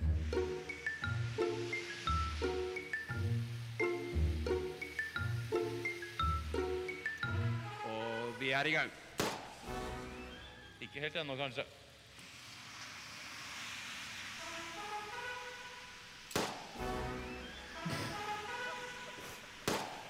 Ser her at du har alternativer ett minutt og ni minutter. Hvilken vil du gå for? Du går for ett minutt? Velger å gå for ett minutt. Og her, Her kommer her har vi bussen. Her kommer Nydalen 37. Nå. Der! Der er vi i gang. Hvem er den i rød, da? En utfordrer? Det er en utfordrer. Ja, det er det ingen tvil om. Få de sitteplasser. Får de er det mulig? Ja, rød har fått seg sitteplass. Men grå går for ståplass. Gå for ståplass, ja. Det er ståplass på grå. store utviklinger på ståplassen. Beina mine har sovna, får vi en melding om her. Ja. Så morsomt, for det har mine også. Går det an eh, å få hjelp og ta to og et halvt minutt pause, kanskje? Går det an? Ja, det er selvfølgelig NRK-erne jeg snakker om. Ja. Eh, og i dag så skal vi høre vår alles Ronny Brede Aase for første gang på lenge for noen. Meg selv inkludert. Vi skal høre han si et sammensurium av ord som bygger på en spådom. Ja, det høres spennende ut. Det oppfyller en spådom, rett og slett. Ok. Kjør på. Yes. En podkast fra NRK P3. Dette er P3 Morgen med Martin og Adelina. Du spådde at Ronny skulle si birras, eller øl, da, pils etc. Nei, det var vel konkret birras. Nei, øl eller birras. Øl eller birras. Eh, kos, grill, opptil 13 ganger. Har, altså. Å, dette er spennende. Det er veldig spennende. Ja. Skal du få lov til å sitte nå, Daniel, og si litt mer om spådommen? han er mye morsommere når han står der. Ja, la oss stå i døra, du. Jeg Ja. kan stå i døra. Du kan rope du, Daniel. Hva, hvordan har det gått? Nei, uh, vi kan jo høre da i det her lille uh, hørespillet jeg har laga. At jeg og du for eksempel, kan gå ut og grille lunsjen vår. Eh, Vi setter opp grillen i sjutida, så kan vi grille og drikke øl. Altså, Vi har blitt så glad i en grill. Grilla pølse. Spiser det som jeg har med grillmat i taska. Sånn. I dag lurer vi på om det blir minipizzas på grillen. Vi har allerede grilla ostepølse til lunsj. Åpen form av aluminium Ja. til å ha på grillen. Ja, jeg og du lager mat på grillen som vi blir glad av, og Ja. det er det viktigste. Og da er det Det gjør samme. Vi jo veldig bra på egen grill for tida. Det må jeg bare si. Vi er gode. Der er vi gode på egen grill. Hver jeg får lov til å sitte på uteservering og ta en pils til, så tar jeg gjerne butter chicken, jeg, altså. Poenget er for at en pils i solveggen hadde vel ikke skada. Eller en øl i solveggen, for tror jeg jammen jeg skal ta meg en pils i solveggen og nyte ikke pils i solveggen, da, tror jeg? Ja, men jeg var på besøk hos min gode venn Chris i går eh, og drakk øl i bakgården. Men jeg mener at den dagen vi får lov til å drikke øl i Oslo igjen, kommer til å bli som frigjøringsdagen i 1945. Ja, men vet du hva? Ja. Shit, altså, hvor mange ganger var det? Eh, de der to var 20. Men, men jeg syns Vet du hva, Daniel? Det Men, her er ok, den min safeste betten. No, og at Ronny Brede Aase skal prate om grill når han har fått seg en ny grill. Ja, men ok, Det er en safe bet, men det er en god bet. Det er også en god spådom. Vi må også konkludere med at Ronny er kongen av både grill og kos. Ja. Ja, vi skal til NRK-hjørnet nå. Ja. Vi skal ta et avbrekk fra alkohol. Og da blir det Hvis jeg sier Senkveld med Thomas og Harald, Ok. hva sier du? Ja, jeg venter med spenning. Det skal du få høre en parodi på her nå. Flott. Jeg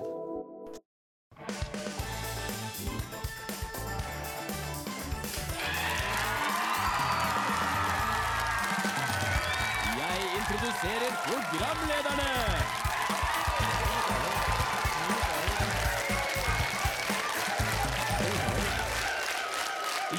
Skal til å introdusere kveldens program. Mens jeg avbryter deg med å si noe tullete og naivt. Ja, Som er planlagt på forhånd, og som jeg later som jeg syns er litt upassende. Jeg ønsker velkommen å introdusere kveldens gjester med en video der de vinker og er usikre på hvor lenge de skal vinke.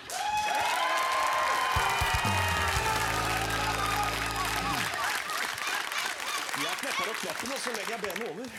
Og jeg ønsker velkommen til vår første gjest. En som har vært mye i media denne uka og trenger å vise seg fra en mer lettbeint side.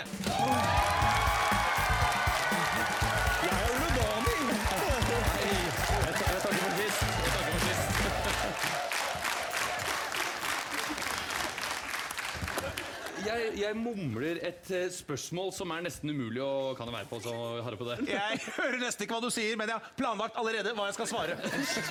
Dette er jo ikke et eh, vanlig intervju. Eh, Lurt blikk til deg, Rønnis. Nei, derfor tar jeg helt tilfeldig fram den her fra bakpulten.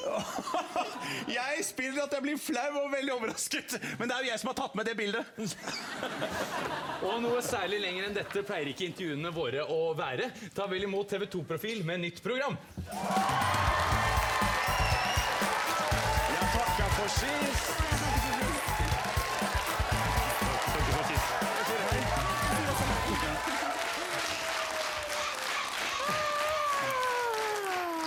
har jo vært her 100 ganger før. Jeg eh, ser ned i kortene mine og leser, selv om jeg bare skal stille et eh, kort, enkelt spørsmål. Et eh, svar der jeg sniker inn sendetidspunktet på det nye programmet mitt. Dette intervjuet var enda kortere enn det forrige. Ta vel imot idrettsstjerne hele Norge elsker.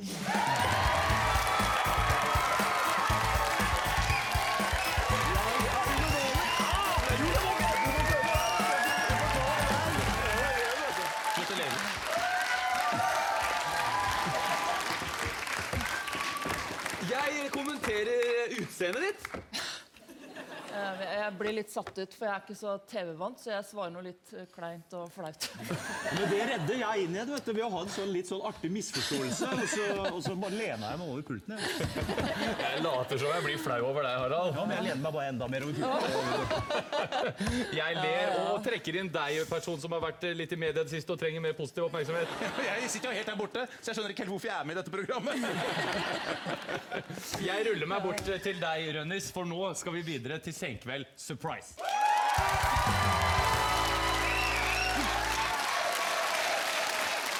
Jeg smiler lurt når jeg sier at det er du som skal ut i Senkveld Surprise, Harald. Jeg eh, får det til å se ut som jeg grua meg, selv om det er spilt inn for et halvt år siden.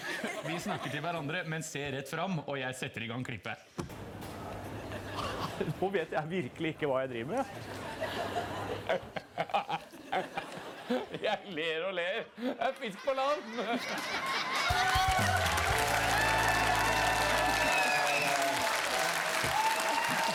Programmet går mot slutten. Jeg sier derfor takk for i kveld og ber dere om å se på programmet også neste fredag. Det blir helt likt som dette.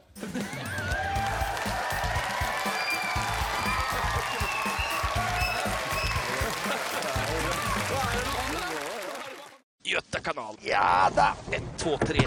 Hej på deg. Hei på deg. Hei på deg. Volvo, Liseberg og kjøttbullar. Vi befinner oss i Göteborg. Den lille kommentatorslådan kom så forbi tullen. Nå skal vi se hva som rører seg her i Sverige. Ja, der har vi han. Ja, det er ingen tvil. Det er Mr. Melk vi Ja, ser her. Ja, det er faktisk Mr. Smaker godt. Smaker godt.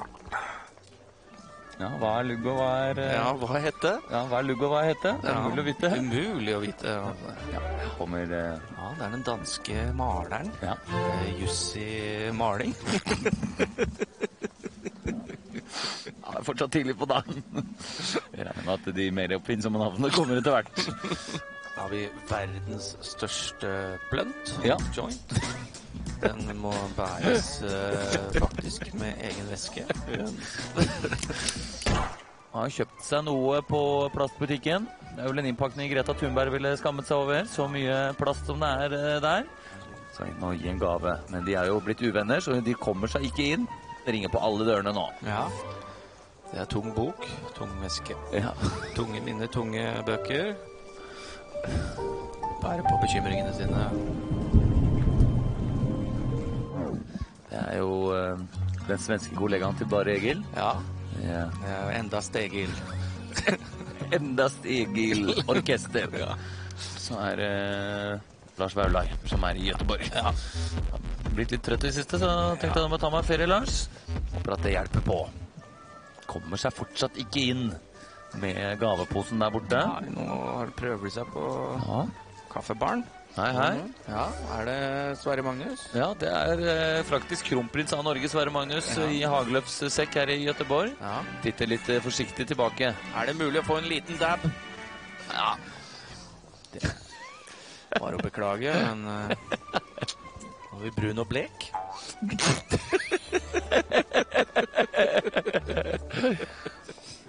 Der har de funnet fram. Er det nå de kommer seg endelig Ja. inn? Der er hun, de møtes. Her, den har jeg kjøpt til deg, sier hun. Til meg. Du er så utrolig hyggelig. Skal du ikke bli, sier han. Nei, jeg går, jeg. Ok, ha det. ha det bra. Da går hun. Ja, pakken fant sin rette eier. Det er kanskje på tide at vi finner vår rette eier òg? Ja, det er et studio på Marienlyst. Hvor vi bor. Stemmer. Og med det takker vi for oss.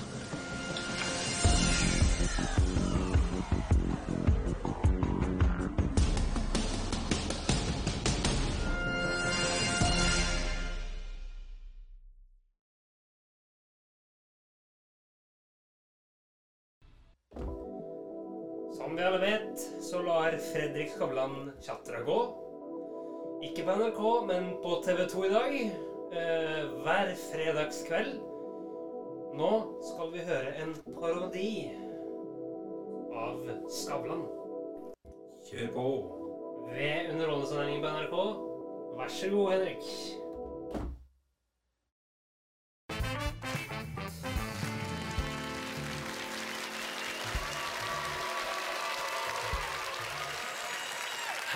Står jeg og lener meg nonsjalant på hoften mens jeg introduserer kveldens gjester. Stjerneskudd med sterk historie og internasjonal stjerne. Men først, ta vel imot politikere som enten svenskene eller nordmennene ikke aner hvem er.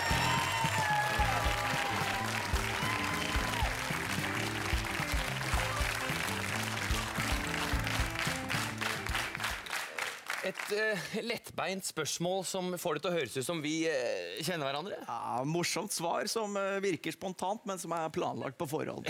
Jeg ler, men, men stotrer et, et, et, et litt seriøst spørsmål. Vagt svar med masse ord som ingen helt skjønner den konkrete betydningen av. Jeg later som jeg presser deg til å svare mer konkret. Later som jeg svarer mer konkret. Brå overgang til ny gjest. Ta godt imot stjerneskudd med sterk historie.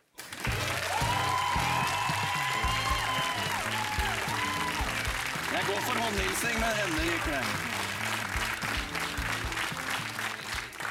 Eh, spørsmål det gjør meg litt i, i, i overkant naiv og, og skryter uhemmet av deg. Jag börjar slumpmässigt berätta en mycket stark och eh, privat historia som i själva verket är hela anledningen att jag får komma hit. Og, og Der finner jeg en link til deg, politiker, som enten svensken eller nordmenn ikke aner hvem er. Jeg begynner på en historie. Som jeg avbryter, for vi har ikke tid til den lille referansen. Jeg ville bare skape eh, litt dynamikk her. Eh, Så med några svenska ord så, så ställer jeg deg et litt mer seriøst spørsmål om livet. Jag pratar på om hur den här historien har gjort mig bättre på att hantera själva livet. Jeg vet jeg kan være i bildet, så jeg lytter intenst og nikker anerkjennende. Jeg er klar med å berette, og ja, men meg vänder mig mot publiken for applåd.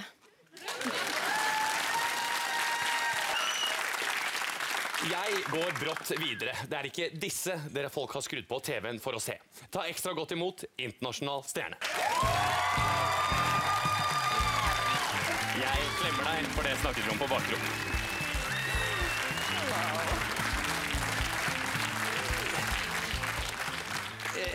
In a, in, a, in a very bad English, uh, much worse English than I actually can speak, I, I, I ask you a question uh, about your everyday life. And I tell a funny story that I pretend happened recently, which actually happened a long time ago. And it's the same story that I tell in every talk show. Jeg vil ikke prate engelsk, jeg bare nikker anerkjennende. You, you are the main guest here tonight, and, and the one we have worked the hardest to get here. So I just ask you the questions that you told me to ask. And I tell a story that leads me to talk about what I'm here to promote. Uh, I wouldn't be here if I didn't have anything to promote. Yes, I'm, I'm painfully uh, aware of that. Uh, now I, I go and tell you, uh, sing one of your new song. Not the one that everybody knows and loves, but a new one.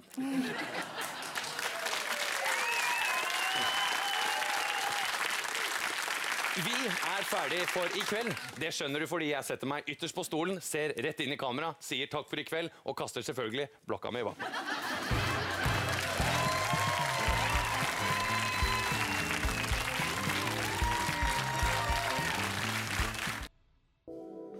I dag så skal jeg by på, som sagt tidligere, en robotgressklipper, en elg og en dame. Spennende kombi her, du. Det blir det. Kjør på. Greit, det. Dette ser jeg på en gang iblant, bare hvis jeg trenger en liten pick me up. Skal altså høre fra denne legendariske videoen som eh, er laget av NRK Nordland. Han tømte trærne for eple. Fy skamme deg.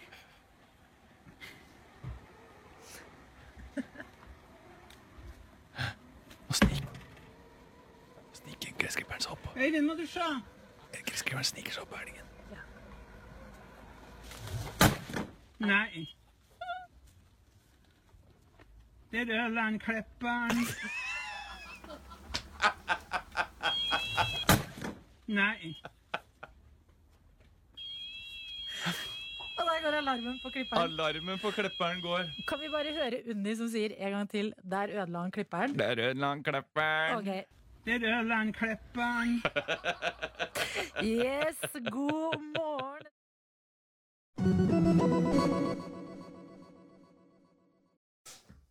Ja, ja. det er, dette er et videoklipp, Henrik. Kan du forklare hva settingen er? Jo, settingen er at eh, det er en elg på tomta til eh, denne dama her, Ja. som blir redd når en robotgressklipper kommer Mot elgen? mot elgen. Riktig. Elgen spiser Ja. eh, epler fra et uh, tre, og så tråkker elgen på gressklipperen. Sånn at det utløser alarmen. Og ødelegger gressklipperen. Ja, i prosessen. ok. Det er, det. er det mulig å bare høre en en gang til? Ja, greit. Dette ser jeg på en gang iblant, bare hvis jeg trenger en liten pick me up. skal altså høre fra denne legendariske videoen som eh, er laget av NRK Nordland. Han tømte trærne for epler. Fy skamme deg.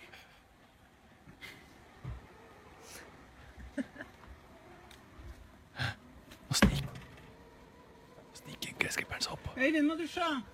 Gressklipperen sniker seg opp på elgen. Nei.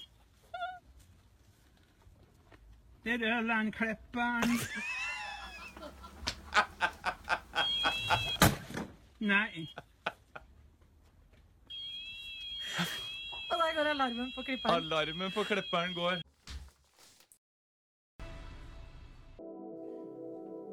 Eh, I NRK-hjørnet i dag så skal vi innom en eh, ganske god parodi på en eh, kjent person. Og hvem var det? Det får du høre i innslaget. Ja vel. Vi får besøk av Tore Dolly Aarberg. Jeg elsker henne. Og vi skal ha besøk av han som kjøpte mine crocs for 35 000. Eh, her om dagen så pratet jeg, tullet litt ut med folk, og så var det noen som sa sånn Fy faen, det var en bra parodi. Så da tenkte jeg wow, kanskje, kanskje jeg har en god parodi. Er dette en parodi vi har sett før? Nei. Det er en helt ny en? Hell yeah. Når dukka den opp? Altså Det- spontant, eller? Jeg gikk hos logoped da jeg var kid. Mm. Du har Eh, imitert logopeden din? Nei, men jeg pleide å ha en talefeil. Han snakker litt sånn som meg, bare at han snakker litt dypere. Det er jævlig god parodi hvis du hadde kjent han. Ja, men, nei, men jeg pleide, jeg, sliter jeg pleide å slite med å si S. Jeg pleide å si L. Og så skulle jeg kødde litt med, med det, og så plutselig var det noen sånn Nå er du god. Så kan jeg få en liten jingle? Ja. Ja. Hei, alle sammen. Velkommen til Kåss til kvelds med Jonis.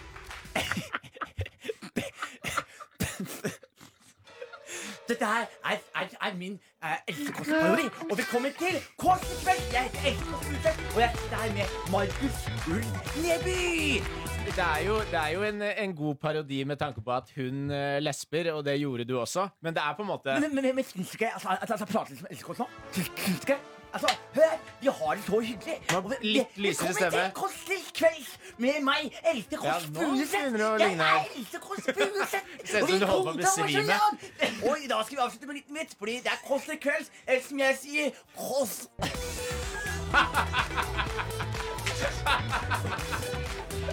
Ja. Til til kvelds. Markus, hvor er du? Markus, er du her? Ja, vi er der igjen. NRK-hjørnet. Ja da. Og i dag så skal vi få et lite humoristisk lynkurs i hvordan ikke bli misbrukt. What? Ja, du hørte riktig. Hmm. Så jeg kjører på, jeg. Ok. Jeg går dit vinden fører meg. Ja. Der er han. Der er, velkommen skal du være. Ja, takk skal du ha. Du heter Sam. Det samme. ja. Hvor er du fra? Fra nord. Du er fra nord, ja.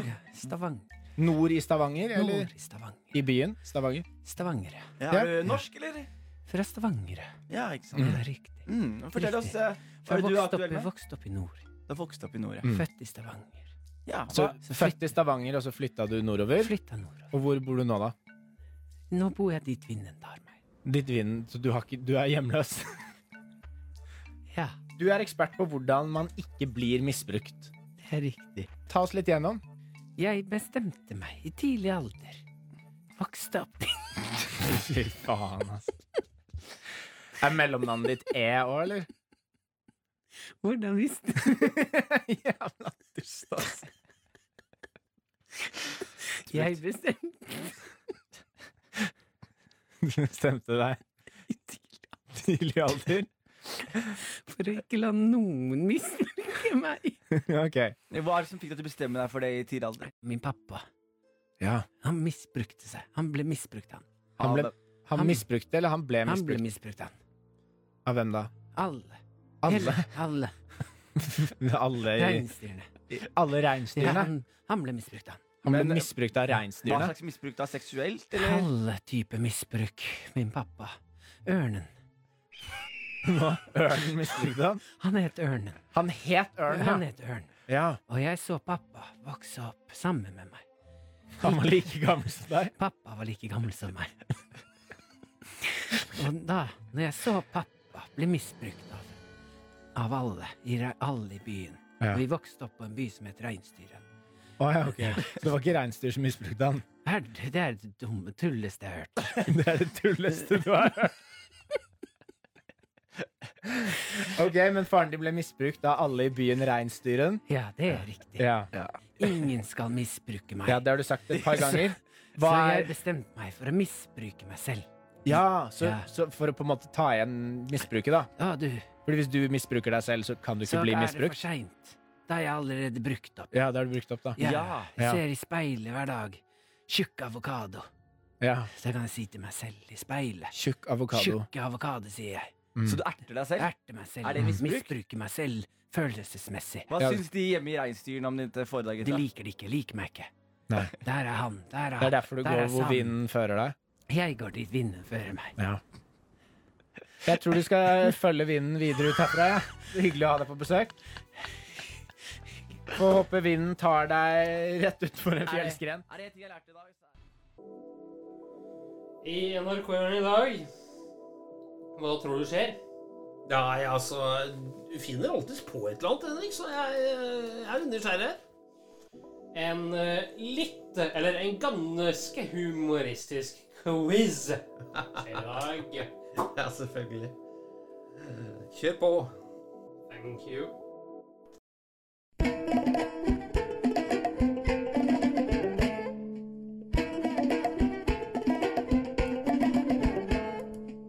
Hvilket av disse er et norsk idrettslag? Er det A. Forlag. B. Grunnlag. C. Avslag. Eller D. Brann? Forlag.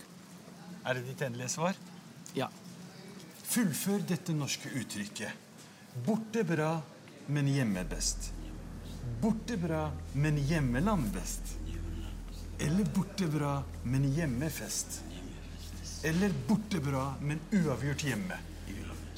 Borte bra, men, men uavgjort hjemme. Helgardering. Hjemmefest. Borte bra, men hjemmefest. Hva heter denne personen her? Heter han Bjørnstjerne Bjørnson? Heter han Bjørn Fjerne Bjørnson? Eller Bjørn Gærne Bjørnson? Eller Bjørn Dæhlie? Det må være det. Bjørn Dæhlie. Husker du OL i Lillehammer 1994? Det må være Bjørn Fjerne eller Bjørn Stjerne, tror jeg.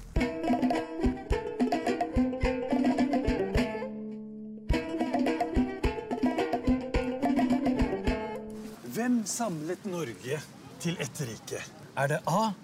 Harald din hårfarge? Er det Harald min hårfarge? Er det Harald den hårfagre? Eller er det Thomas og Harald? Jeg tror det er Thomas og Harald.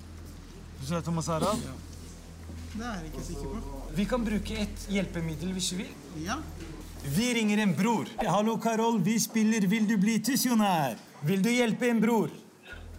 Ja, hva skjer? Hva skjer? Altså den hårfarge eller Thomas og Harald? A. Ja, det var A. Takk skal du ha, bror. Hva heter Norges største fjell? Heter det A. Jonas fjell? B. Galdhøpiggen? C. Høyfjellet? Eller D. Fjellvettregler? Høyfjellet. Galdhøpiggen. Galdhøpiggen? Skal vi se her. Det er dessverre feil.